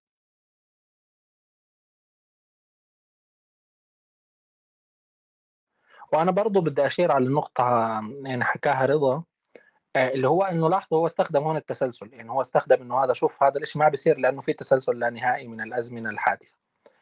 والنقطة التاسعة أصلا هو بينقض فيها التسلسل. فقال إنه المؤمن سيرد لو كان الوجود أزلي طبعا لاحظوا هون معنى كلامه إنه بيثبت إنه الوجود أزلي. ما شاء الله كيف عرفت إنه الوجود أزلي؟ هذا احتكام للجهل ولا كيف الموضوع عندك يعني؟ فأنت ستقع بتسلسل لا نهائي من الحوادث. فإن وصلنا لنقطة الحاضر معناه أن اللانهاية انتهت حتى نصل لنقطة الحاضر. واستخدم برهان الجندي والرصاصة معروف لديكم يعني مش حقدر أشرحه مش مش حشرحه يعني. آه، كمل. بيحاول يرد على مثال الجندي والرصاصة. بيحكي لك إنه هو هل أنت تعتبر آه, آه عفوا بقول لك إنه أنت ممكن تعبر عن مثال الجندي والرصاصة بحالتين. يا تحكي ما لا نهاية زائد واحد يا ما لا نهاية زائد ماينس ما لا نهاية. آه، والأولى فعلا تساوي ما لا نهاية. وال- والتعبير الصح هو الثاني. آه، لأنه أنت ما لا نهاية زائد ماينس ما لا نهاية حيطلع معك المجموع undefined. آه، وبناء عليه آه، فهذا توسل في الجهل. إحنا ما بنعرف شو جواب ما لا نهاية ماينس ما لا نهاية. نرد. أول شيء يعني أنا نفسي أفهم بس إيش علاقة الما لا نهاية من الأحداث في minus ما لا نهاية من الأزمان حتى تجمعهم. أنت على أي أساس جمعت الحدث بالزمن هذا سؤال رقم واحد وهيك اعتبر اعتبره الشبهه مرتفعة. هذا رقم واحد. كل شيء أنا احكيها صح يرفع الشبهة. يعني كل واحدة فيهم لحالها بتكفي لرفعها بس مشان تعرفوا قديش الكلام ساقط يعني. ال- النقطة الثانية آه، إيش معنى أصلا ما لا نهاية زائد واحد في الكيس الأول؟ إنها ما لا نهاية وإيش معناها؟ يعني مش فاهم برضه. يعني إيش دخلها في مثال الجندي والرصاصة؟ الجندي والرصاصة بيحكي لك ما لا نهاية انقضت. الما لا نهاية انتهت. تناقض واضح. إيش دخلوا في موضوع ما لا نهاية زائد واحد وهاي الكيس الغلط اللي أنت مش مسلم فيها. إيش دخلها أصلا؟ إنه ما لا نهاية زائد واحد يساوي ما لا نهاية. ثلاث ويعني شيء معروف عند أي حدا دارس رياضيات أصلا ما فيش شيء اسمه ما لا نهاية ماينس ما لا نهاية. آه هذا شيء موجود جوا ال limit. وال... وانت بتقدرش تكتب ما لا نهاية على السطر ومكيف حالك minus ما لا نهاية وهيك. موجود جوا مفهوم رياضي واحد.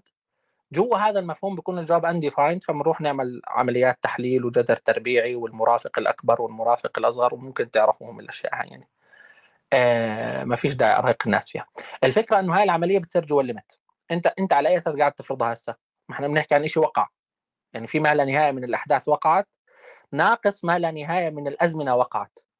فهي أشياء وقعت مش أشياء تؤول إلى اللا نهايه حتى تحطها جوا الليمت وتحكي لي undefined لاحظ لاحظوا كمية الأغلاط رياضيا ويعني هي أصلا بدهاش رياضيا بس خلي الواحد ساكت حسبي الله ونعم الوكيل. آه آخر شيء انه هو خلاصة كلامه الآن انه هو رد على مثال. مثال الجندي والرصاصة مش دليل على أبطال التسلسل. في عندك بجوز 20 د- يعني أنا أنا على الأقل أنا راصد تسع أدلة لأبطال التسلسل. والله مضمون بها عليك. والله ما بتستاهلش تعرفها. انت ممكن سمعت عن التطبيق لأنه الشباب بيحكوه بس أنا عارف إنك بتعرفش الثمانيه الباقيات. آه ومفكر مثال الجندي والرصاصة دليل وهاي مشكلة. يعني. واستخدم مثال ثاني مثال آه، يعني منقوض فمش هنذكره آه، لأن أنا شايف المثال نفسه يعني ردوا عليه صحيح فهاي كويس هاي لقينا له معلومة صح. ال- النقطة الثانية إنه خلاصة كلامه لما قال ما لا نهاية minus ما لا نهاية undefined فإحنا مش عارفين الجواب برضه احتكام إلى الجهل. ما أنت بتحكي لي العالم أزلي أنت عبارتك من الأول هم تحكي لي. آه لو كان الوجود أزلي فأنت ستقع بتسلسل نهائي يعني أنت كلامك إنه الوجود أزلي وأنت بتحاول تثبتها. وهسه حتشوفه كمان شوي تحت حيحكي عن عن الموضوع هذا ف- فخلاصة كلامك احتكام إلى الجهل أصلا ابتداء. آه، لأنك أنت ما أثبتتش شيء. أنت غايه ما هنالك أن ما لا نهاية ماينس ما لا نهاية undefined فممكن تكون ما لا نهاية ممكن تكون minus ما لا نهاية ممكن تكون أي رقم بينهم by the للي بيعرف الرياضيات. فيعني آه، مش عارف أنت شو اثبتت لنا في انك باختصار بتعرف يا زلمة هاي النقطة الأخيرة. هو يقول هذا هذا أنتم ملاحظين كم هو- غلط وغلطان يعني بس مشان تكونوا طيب هو هو يقول إنه إحنا الاثنين إحنا الاثنين لا هو هو يقول فهذا توسل بالجهل لأننا لا, لا نعرف. ماينس ما لا نهاية زائد ما لا نهاية ماذا تساوي. هو يقر إننا كلانا لا نعرف. نحن وهو لا يعرف. أنا أثبت حكم وهو يثبت حكم مقابل طيب لماذا لماذا خولت وجوزت لنفسك أن تثبت حكما مع إنك تشترك معي في الجهل بهذا بكم تساوي؟ آه ماينس ما لا نهاية زائد ما لا نهاية. أنت تشترك معي في الجهل بماذا يساوي؟ لماذا خولت وسمحت لنفسك أن تثبت حكما؟ وإذا أثبتت أنا حكما مناقض لحكمك تقول لي أنت تتوسل بالجهل. يعني أنت ما شاء الله الآن تتوسل بال... بال... بال... بالمنطق والعلم هذا اللي يعمله. ناقض نفسه بجملة واحدة. طيب نكمل يزن ولا تكمل؟ طلع. آه اقرأ عشان ماشي. طيب الآن بس آه النقل بس عشان لا أن عشان لا. يظن البعض أن هذه المسألة عميقة وغزيرة وما إلى ذلك. يعني كل هذا البحث تبرعي ابتداء. يعني الحجة ساقطة في ترتيبها في موادها. وكذلك ابتداء انت غير محتاج أصلا لنقاشها بعد ذلك بعد أن بينا في البداية المقدمات الكافية في إثبات المطلوب. يعني إحنا حرفيا ذكرنا أنك محتاج إلى ثلاث مقدمات بس في إثبات المطلوب لا ويزن بعد مستكثرها يقول لك مقدمتين. فهذا البحث تبرعي هنا بمعنى أنت هل أثبت هنا آه، جواز تسلسل العلل مثلا؟ نحن ننبه إلى ذلك. مثال جندي والرصاصة هذا للتنبيه. تنبيه مجرد مثال تنبيهي والامثله كثيرة كثيرة جدا. فتاكيدا على هذا الكلام إن هذا بحث تبرعي تنزلي في أمر آه، يعني في مغالطة أو في ألعوبة نحاول فقط أن نستمتع بفكها والاشاره إلى مكان من الخطأ فيها لا أكثر ولا. طيب. آه الآن أيضا ننقل من من لسانه هو النقطة العاشرة. آه لو سألك هل الكون ممكن؟ أم واجب؟ فانتبه هنا هنا يقصد الوجود لا الكون والوجود لا يمكن أن يقبل العدم فلا يمكن أن يكون الوجود يقبل العدم ويقبل الوجود فلا يمكن القول إن الكون ممكن. هنا ضرب لك المصطلح ضرب لك الوجود مع الممكن مع الحادث في خلاط وطلع لك تناقضات على مزاجه هو الآن يخلط يخلط بين تعريف الممكن في الذهن وبين وجود الممكن في الخارج.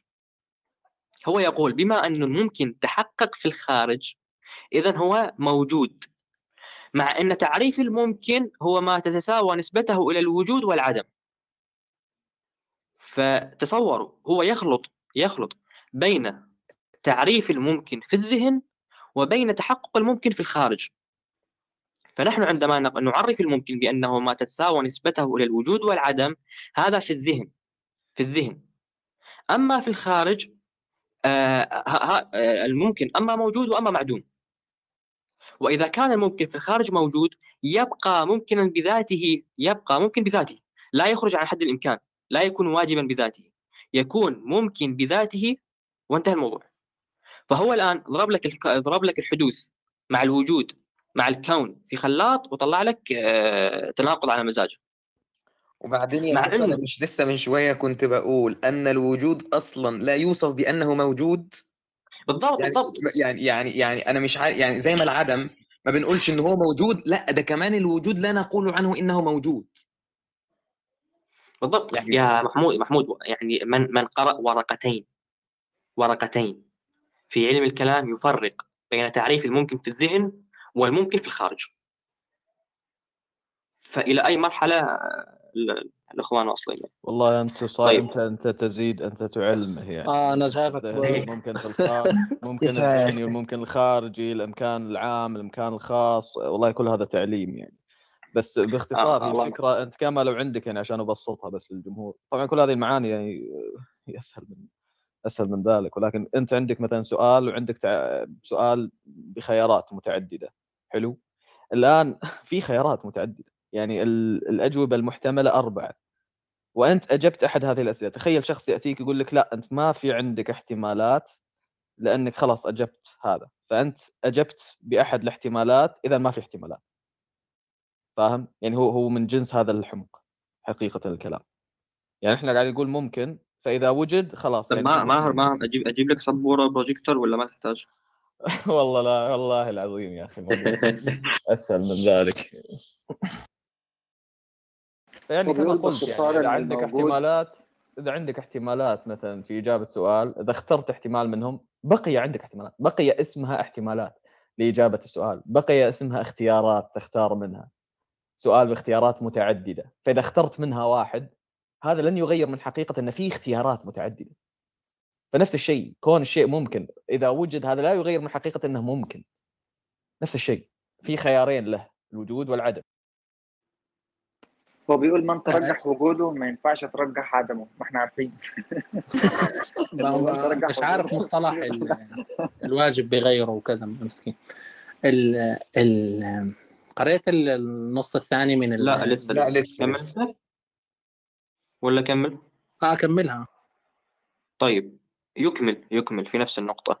ولو سلمنا له أن الكون ممكن ويحتاج إلى مرجح. وهذا المرجح هو الله سبحانه وتعالى طبعا سبحانه وتعالى من عندي فهو يريد أن يقول أن لولا الكون الله ليس موجود. فهو انطلق من المعلول إلى العلة. والعلة آه، وهذه العلة لا يمكن أن تكون علة بدون وجود معلولها. مرة أخرى يضرب لك ال- المواضيع هو بيحكي عنه طبعا هو بيحكي إنه هو لو, هو لو سلم لي آه إنه الكون ممكن والكون محتاج إلى مرجح آه وهو الله هو المرجح اذا الله يحتاج إلى الكون يا سلام. شفتوا بالله عليكم هذا ال- الإيهام بال الإيهام بالعكس؟ شفتوا؟ مش هذا الإيهام بالعكس؟ إنه إذا إذا الله إذا الكون محتاج لربنا إذا ربنا محتاج للكون يا سلام. هذا زي إيش؟ يا طبعا طبعا هون برضو الفكرة اللي كانوا يحكوا عنها الشباب سابقا. بعرف لو ضربتوا ضربتوا مثال ال GPS؟ لا لا لا لسه. لا ضربناه نحرق المثال يوم نضحك والله طيب يا إخوان فكرة بطلان ال... يعني إحنا إحنا عبرنا عنها أنا ورضا وماهر لما حكينا النقطة هاي. كل واحد عبر عنها في عبارته. فانا حكيت بطلان الدليل لا يعني بطلان عين المدلول. وال... والنقطة اللي ذكرها أظن ماهر حكت فيه هم مش مفرقين بين الثبوت والإثبات. آه، ورضا إيش النقطة اللي حكيتها؟ آه, آه بحكي لك ثبوت الشيء في نفس الأمر. آه سواء عرفنا عنه ولا ما عرفناش عنه. الآن واجب الوجود هو ثابت في نفس الأمر. تمام؟ حتى يكون مفهوم الفكرة. آه، هذا هذه إحنا بالنسبة لنا المصطلحات هذه هذه المصطلحات يعني ثقيلة يمكن شوي يعني. آه ما أنا بدي بدي أبسط الأخوية الموضوع. اللي هي واسطة الثبوت المشكلة بعدين أنا متأكد بعدين سوف يتم إزعاجنا بها بعد تعلمها هنا فأهم إذا سمعت. لا لا لا إحنا ما إحنا حن حنعمم هذا العلم حننشر الورقة البحثية اللي سويناها. حننشر الورقة البحثية ونخليهم يخلص ويخلي الناس تناقشهم فيها. ال- ال- الفكرة بكل بساطة يا إخوان انه واجب الوجود لو كان موجود فهو ثابت في نفسه. هذا ابتداء. الان إحنا بالنسبة لنا مش عارفين هو موجود ولا لا. هيك يعني الفكرة. ال- الناس مش عارفة يعني البشر مش عارفين موجود ولا لا ابتداء. خاليين الذهن إحنا هل هو موجود؟ والله مش عارفين هل هو موجود ولا مش موجود. مش عارفين.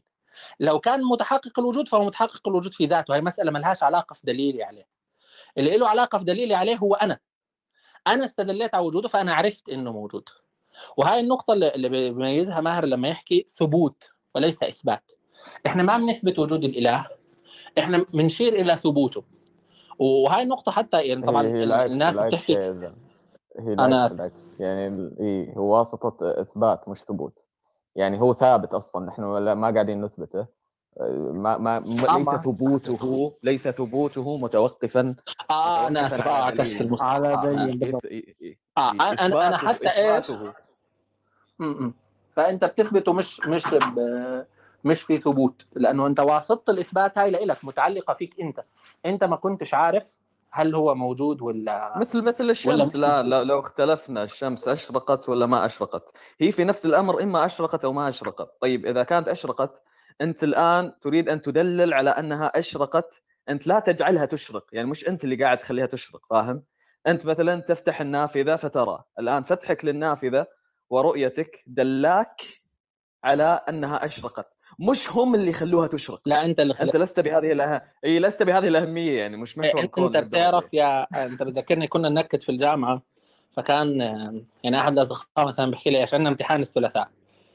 فأنا هيك أتضايق إنه عندي امتحان الثلاثاء وكذا تكون مادة صعبة ومش دارسها هيك فبحكي له إيش فبقول له ما حكيتليش كان ما كانش عندي امتحان. ف... فلا هو الامتحان طبعا هي نكتة يعني إحنا بنحكيها مشان نضحك.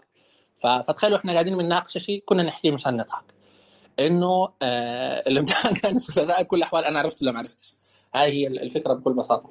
زي فكرة إنه أنا بطلع على التليفون تبعي فلو مش شايف التليفون تبعي إذا التليفون تبعي مش موجود. آه لأنه دليلي على إنه التليفون موجود ان أنا بطلع عليه شو بعرف إنه جوز اختفى.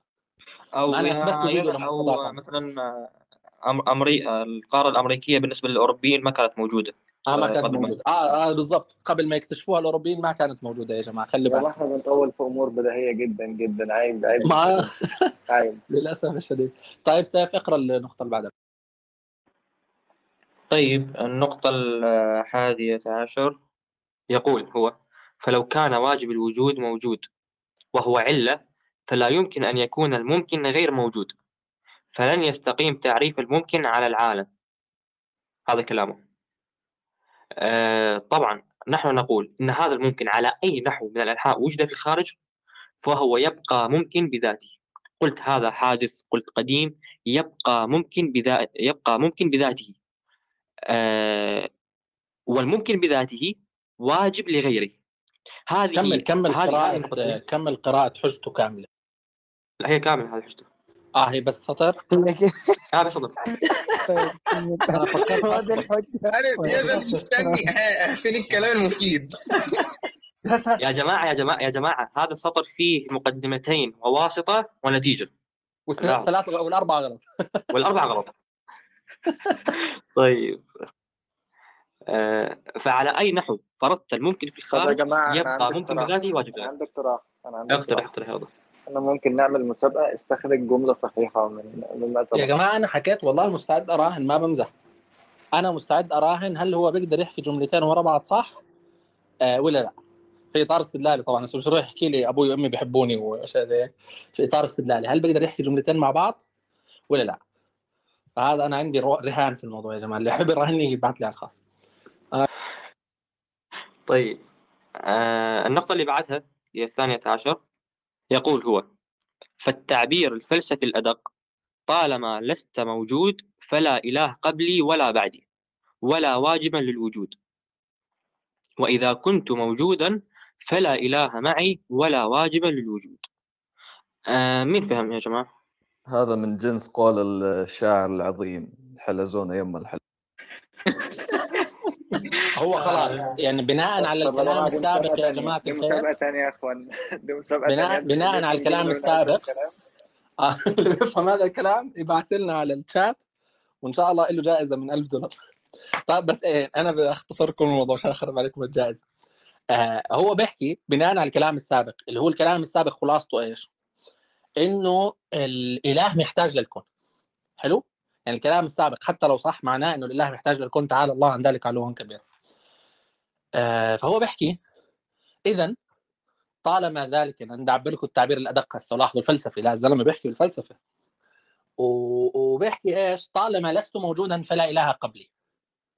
اللي هي المشكلة اللي حكيناها أول شيء تبعت إنه عقلك مش موجود فأنت بتتصورش العدم أو آه، تاعت بطلان المدلول ببطلان الدليل.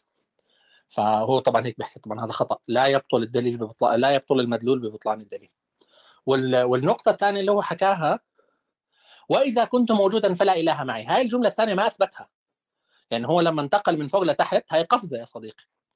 فإذا أنت مش ملاحظ إنك أنت بتقفز منطقيا وقفزاتك المنطقية في منتهى الوضوح. عند أي حدا دارس منطق أو حتى لو مش دارس منطق بس قارئ كتاب المغالطات المنطقية حيلقط لك 600 مغالطة يعني أنت بتحكي. فأنت قفزت. يعني هاي العبارة اللي أنت بتحكي إنها دقيقة بتوصف الشيء اللي قبله. أنت ما استدليت الكلمة الثانية وإذا كنت موجودا فلا إله معي هاي مش موجودة. ومن ثم هو بيستدل على العبارة هاي. طب هاي العبارة كيف صح؟ بيحكي لك هيجي الحكى إنه الإله محتاج للكون حتى يمارس إلوهيته. بدون إنه يعني بدون الكلام إنه هاي الكلمة بحد ذاتها أصلا احتكام إلى السلطة يعني إيش دخلني هيجي الحكى زيك يعني؟ لازم تعطيني دليله. آه بدون الكلام عن هاي النقطة هيجل بحد ذاته برضه هون بيأكد النقطة ال- نقطة إنه ال- الإله والكون متلازمين. مش إنه لو أنا موجود ما فيش إله معي. وصلت الفكرة؟ ال- النقطة الثانية آه وهبني قلت يا سيدي هذا الليل صبح. آه هذا الصبح ليلة. طيب أنا تعبت المشكلة. ال- النقطة الأخيرة في في كلام هيجل آه إنه هيجل بيثبت الإله. وانت ايها العزيز مش قاعد تثبت الإله فأنت كيف تستدل في كلامه على موضوع أنت بتحكي فيه؟ لو أنا كنت موجود فيش إله ولو كنت معدوم ما فيش إله. وبتستدل في كلام هيجل اللي هو بيحكي لك الله بدون الكون لا يمكن أن يمارس الوهيته فأنت مش عارف شو بتستدل؟ يعني أنت مش عارف الكلمة اللي حاطها معك ولا عليك. آه بضل هون النقاط ال- الأخيرة. آه والله عيب نحكي في المواضيع هاي يا جماعة. مش عارف عيب أقعد أقول انت استخدمت مش. مستاهلة مش مستاهلة يعني. طيب هي خلاصة الموضوع لنفترض أن الله عز وجل بحاجة للعالم. تسليما وتنزلا تعالى الله عن ذلك علوا كبيرا. هو المستغني عن خلقه. لم يستفد اسم الخالق بعد خلقه الخلق ولم يزدد بهم شيئا لم يكنه قبله. تعالى الله عن ذلك علوا كبيرا. افترض كان زيك. الإشكال هون بيكون بصفة كمال. ما بيكون بعين إثبات الصانع. وإحنا غاية الكلام المفروض في دليل الحدوث إثبات الصانع مش إثبات كمال صفاته. إذا واصل الفكرة للجميع. فحتى على التسليمات هاي كلها ومتعب حالك وبتكذب ومش عارف تستدل ومش عارف تصل وتستخدم مقدمات غلط وتستخدم بناءات غلط وآخر شيء بتصلش لإيش؟ ولا أنت بتصعب علي. وأنا هون بحكي بصعب علي ان كل حدا بيستخدم هالاشياء بيصعب علي. يا جماعة الخير ال... إنك أنت بتطلع على نفسك وب... يعني بتعرف مكمن الخطأ فيها. وبتعرف قدرك أمام نفسك وأمام الناس. والله شيء أهم من هذا الشيء كله يعني. أنت لو عرفت قدرك لحالك كان ما حكيت هيك. يعني لو أنت عارف قدرك وإنك أنت مستواك لأي درجة واصل في الكلام هذا كان ما حكيت هيك. والمشكلة يعني غياب ال... ال... الوعي الجمعي العام يعني كان سكتوك من من أولها بس غياب الوعي الجمعي العام واستغلال البعض لهذا ال... الحالة حتى نبين يلا هينا بنشغب ويلا هينا بنحكي وهينا بنرد وهينا كذا بيخلي مثل هذا الخطاب يتقدم. وزي ما ذكرنا مرارا وتكرارا يعني ما فيش حجة هون انحكت آه، ما انحكتش عنده عند الجميع عندي فلان وعلنتان وكذا إلى آخره. فهذا الرد يعني اعتبروه عليهم كلهم. وإحنا زي ما ذكرت حننزله يعني مكتوب حتى أي حدا بحب يقرأ الكلام يتبين الأشياء ولو بده يسأل يعرف على أي سياق يسأل يفهم المنفولد كيف شغال بحيث يعني يكون في أسئلة أحسن ونرتقي والله لمستوى أحسن ونصير نتناقش في أشياء مفيدة تفيدنا إحنا. لأن أنا داخل كلاب هاوس أعمل حوار مفيد ولما ألاقي المستوى هذا هون وألاقي مستوى ثاني هناك ومستوى ثالث أبصر وين؟ ويعني والله ما كلام يا جماعة الخير. خلينا خلينا نعدي المواضيع هاي نفهم إحنا شو بنحكي نحترم حالنا قدام أنفسنا اولا وقدام الناس ثانيا نعرف قدر أنفسنا. والله يا إخوان ب... ب... في بيت شعر بيحكي لك ما قلت للمزهو كن متواضعا. قدماه تعرف حين يجهل موضعه. فمهما انت كنت مزهو بنفسك وأنا هون مش بحكي على الشخص بعينه بحكي عموما يعني. ومهما كنت مزهو بنفسك اعلم أن قدماك لن تطيرا في السماء. حتضلك على الأرض. وحنضلنا نطلع على كلامك ونضحك. سواء ردينا ولا ما رد. ترى كلامك ساقط في نفسه. سواء ردينا ولا ولا ما ردينا. الكلام في حال لحاله هيك بينه وبين حاله هو ما حيطلع. وأنا بحكي للناس جميعا إنه لا تخاف من من كثرة هاي الموجة والكلام. وأنا هون مش بحكي على الخطاب الحقوقي أنا مش مش موضوع ممكن نختلف فيه للصبح. أنا هون بحكي على الخطاب إنه أنا عندي حجة. جماعة ما فيش حجة. يا جماعة عيب يا جماعة اللي بيصير والله مش منطقي. خلينا نرتقي شوي نتناقش في مواضيع تفيدنا نتناقش في في دولنا نتناقش في مواضيع اجتماعية مواضيع نفسية كذا حتى نحل مشاكلنا ونمشي خطوة. يعني إحنا مش قاعدين نمشي. مش قاعدين نمشي وفي واحد قاعد كل شوية لا بدي أكسر عين مش عارف مين وفلان بده يكسر عين مش عارف مين يا جماعة ليش بدنا نكسر عيون بعض؟ يعني لو نحترم حالنا بنيجي بنسأل بنفهم. لو أنت مش عارف تفهم بس بتسأل بتعلم. واحدة واحدة بخط الخطوات هاي اللي أنا فيها. اعرف قدرك بين الناس واعرف قدر ما تقول واعرف قدرك في المنطق. يعني بالله عليك واحد مثلا أكيد هذا الكلام واحد مش دارس منطق. وبيحكي بالكلام والله عيب يعني ويا مش زن مش يا, يا, يا, يا مش أنا كنت يعني والله مش كلام. فاهمك فاهمك. أنا كنت أقول أنا أصلا كنت ضد حقيقة. بعدين قلت لا آه، خلينا نتسلى شوي وخلينا نحشد. يعني هذا كما قلت آه، ليس متعلق بشخص أو بروم. لا لا هذا متعلق بالكل. ترى هذا الذي طرح يعني هذا هذا أقصاهم كما يقال. هذا السقف عند الطرف المخالف. أنت لا آه أنا أنا ضل ضل عندي يعني في بالي كمان روم. إيه. نغطي كل شيء ثاني هم حكوا يعني بدي امهن عارف في التتبع التفاصيل إيه هاي. مش غلط. حتى أنا ليس. والله والله بدي أمشي. يعني أنا بدي أمشي خطوات خطأ.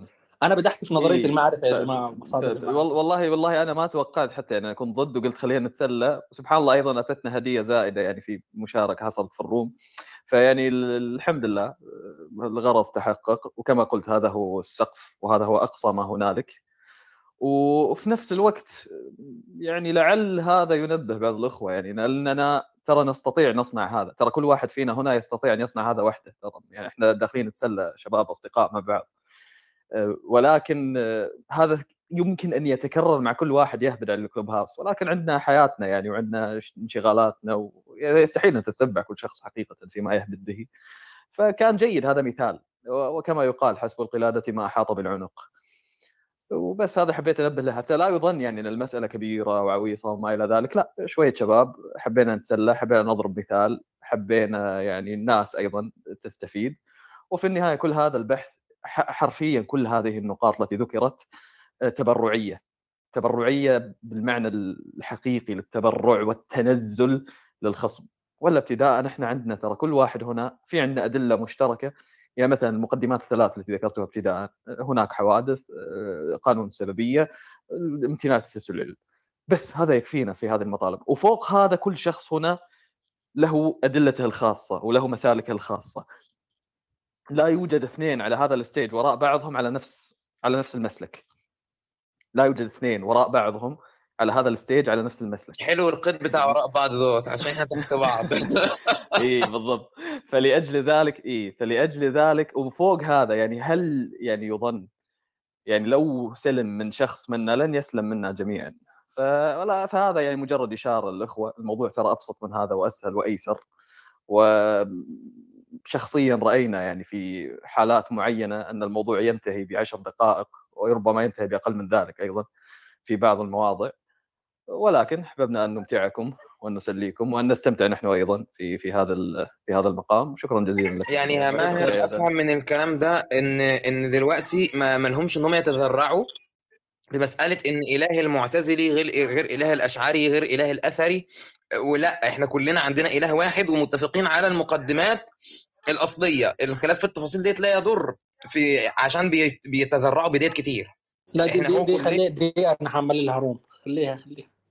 مش مش ناسيلهم مش ناسيلهم ولا حجة. يعني أنا هحط كل حججهم وما عليكم إن شاء الله يا إخوان. يعني ممكن إذا مش room رومين غير هاي و... وإن شاء الله ننهي المسلك. وصدقا يعني آه، يعني كل مرة هيك حيطلع الموضوع يزيد عن حد وحنرجع نرد آه، بنفس الطريقة هاي.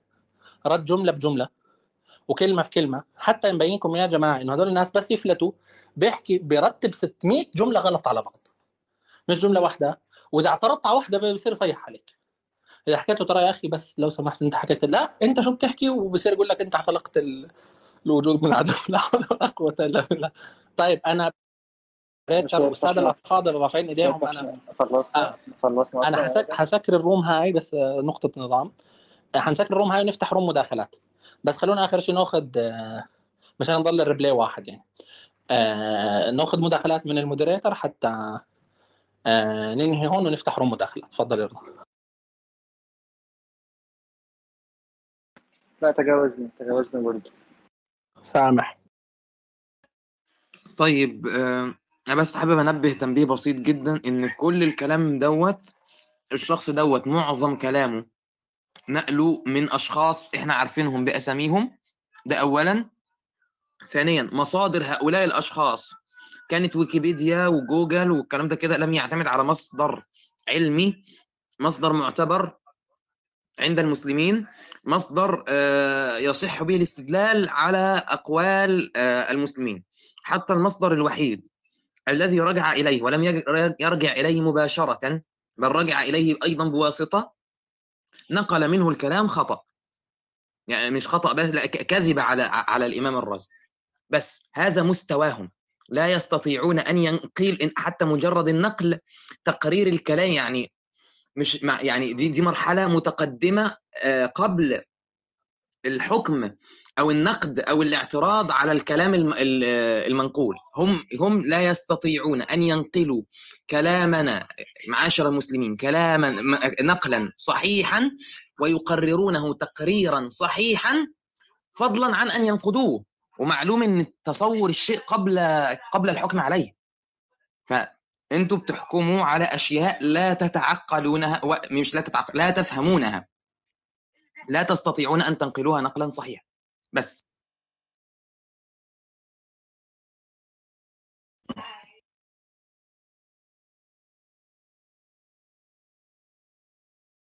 علياء موجود علياء أو عين.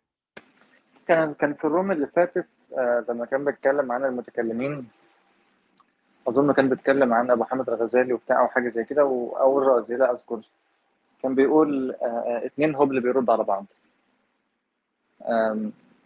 فأتمنى آه، إحنا في room واحدة ماسكين 30 خطأ. في room واحدة ماسكين 30 خطأ.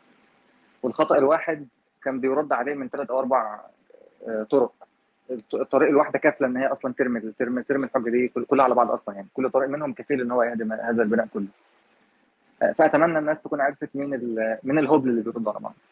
طيب آه أنا بس كنت عايز أعلق تعليق تاني آه بعيد عن صاحب الروم. آه في شخص تاني مش بذكر اسمه لأنه أقل من أن يذكر اسمه في هذه الروم بس هو معروف يعني متشدق بال بالورقة البحثية. كان بيتكلم عن الكلام اللي اتقال في الروم دي يقول إن ده كلام آه علمي آه أكاديمي. كنت عايز أسأله الكلام العلمي الأكاديمي ده اتنشر في أي ورقة بحثية وفي أي مجلة يعني من فضله؟ لو يقدر يبعت لنا. طيب أنا أرجع وأكرر. الكلام الذي قرأناه قبل قليل هو ليس نتاج لشخص واحد وليس شخص واحد معني به لا هذا نتاج كوكبة منهم يعني هذا هؤلاء النخبة اجتمعوا وأخرجوا هذا الكلام النخبة ليس شخص واحد لا النخبة اجتمعوا ليخرجوا هذا الكلام العظيم الذي سمعتموه قبل قليل. هذه النقطة الأولى. النقطة الثانية لأننا نقرأ ولأنكم آه، يعني تسمعوننا ونمضي بالكلام أنتم لم يصل إليكم إلا نصف الهبد نصف الإحساس بالهبد. لما ننزل هذا الكلام مكتوب إن شاء الله ترونه سيصل إليكم الهبد كاملا. وترون ما, ما, ما الذي عاني- عانيناه عندما كنا نقرأ هذا الكلام لنرد عليه لنرد عليه. إحنا ما ردينا يا سيف إلى الآن إحنا كل آه بس بالضبط بالضبط. إحنا مجرد يعني طلعنا بالضبط. هذه النقطتين طيب ماهر شيخ فارس. فارس والله يا أستاذ يزن اولا أشكرك على هذه الغرفه وثانيا نقول يعني يؤكد على ما ذكره. امير أننا ترى نتكلم من يعني كذا من طرف اللسان. إلى الآن لم نغص في المباحث ولم ندقق ولم نتتبع وأنا الحقيقة استعجبت يعني أنه قال هذه العبارة يقول سيف يقول الاثنين هم ردوا على بعض شيخ فارس صوتك بروح عندي أنا. آه صوتك صوتك مش واضح يا شيخ فارس. هذا ال- الكلام الذي وقع قبل قليل في الغرفة. يعني نحن ترى من طرف ال- اللسان ومن طرف الخاطر نتكلم. آه، لأن الكلام الذي سمعناه أقل من أن يعلق عليه أو يتكلم عليه حتى. يعني بالنسبة لي المسائل التي أنا علقت عليها سمعت بها لحظة ذكر ال- الأستاذ يزن لها. فهي حتى يعني يعني لا يحتاج الإنسان أن يتعب نفسه حتى أن يفتح أدنى كتاب أو يراجع. لا زلنا في مستوى ركيك وضعيف. الأمر الثاني هذا أصحاب هذا المستوى الركيك والضعيف حسب نقل أحد الإخوة قبل قليل يقول اثنين الرازي والغزالي اثنين هبل يردون على بعض. أنا أقول أقول هكذا أمام الناس جميعا. إن كان صادقا في كلامه هذا ورجلا في كلامه هذا فأنا اريده يأتي وسنفتح صفحة باختياري أنا من أحد كتابين اللي يسميهم هبل. أريد فقط إقراها قراءة صحيحة فقط قراءة صحيحة. إذا كان يراهم هبل. إذا كنت لا تستطيع أن تقيم لسانك بقراءة ألفاظهم فكيف غصت إلى معانيهم لتحكم عليهم بأنهم هبل فأنت إذا إنسان شجاع بالفعل وقلت هذا كان شوف أنا والله ما أعرف إيش اسمك ومن أنت. يعني أنا لا أعرف من أنت. لكن كنت شجاعا حقيقة تعال حنختار لك صفحة من كتب ال- الإمام الحجة الغزالي أو من كتب آه، فخر الدين الرازي ونريدك فقط تقيم لسانك بقراءتها. أنا أتحداك لن تستطيع.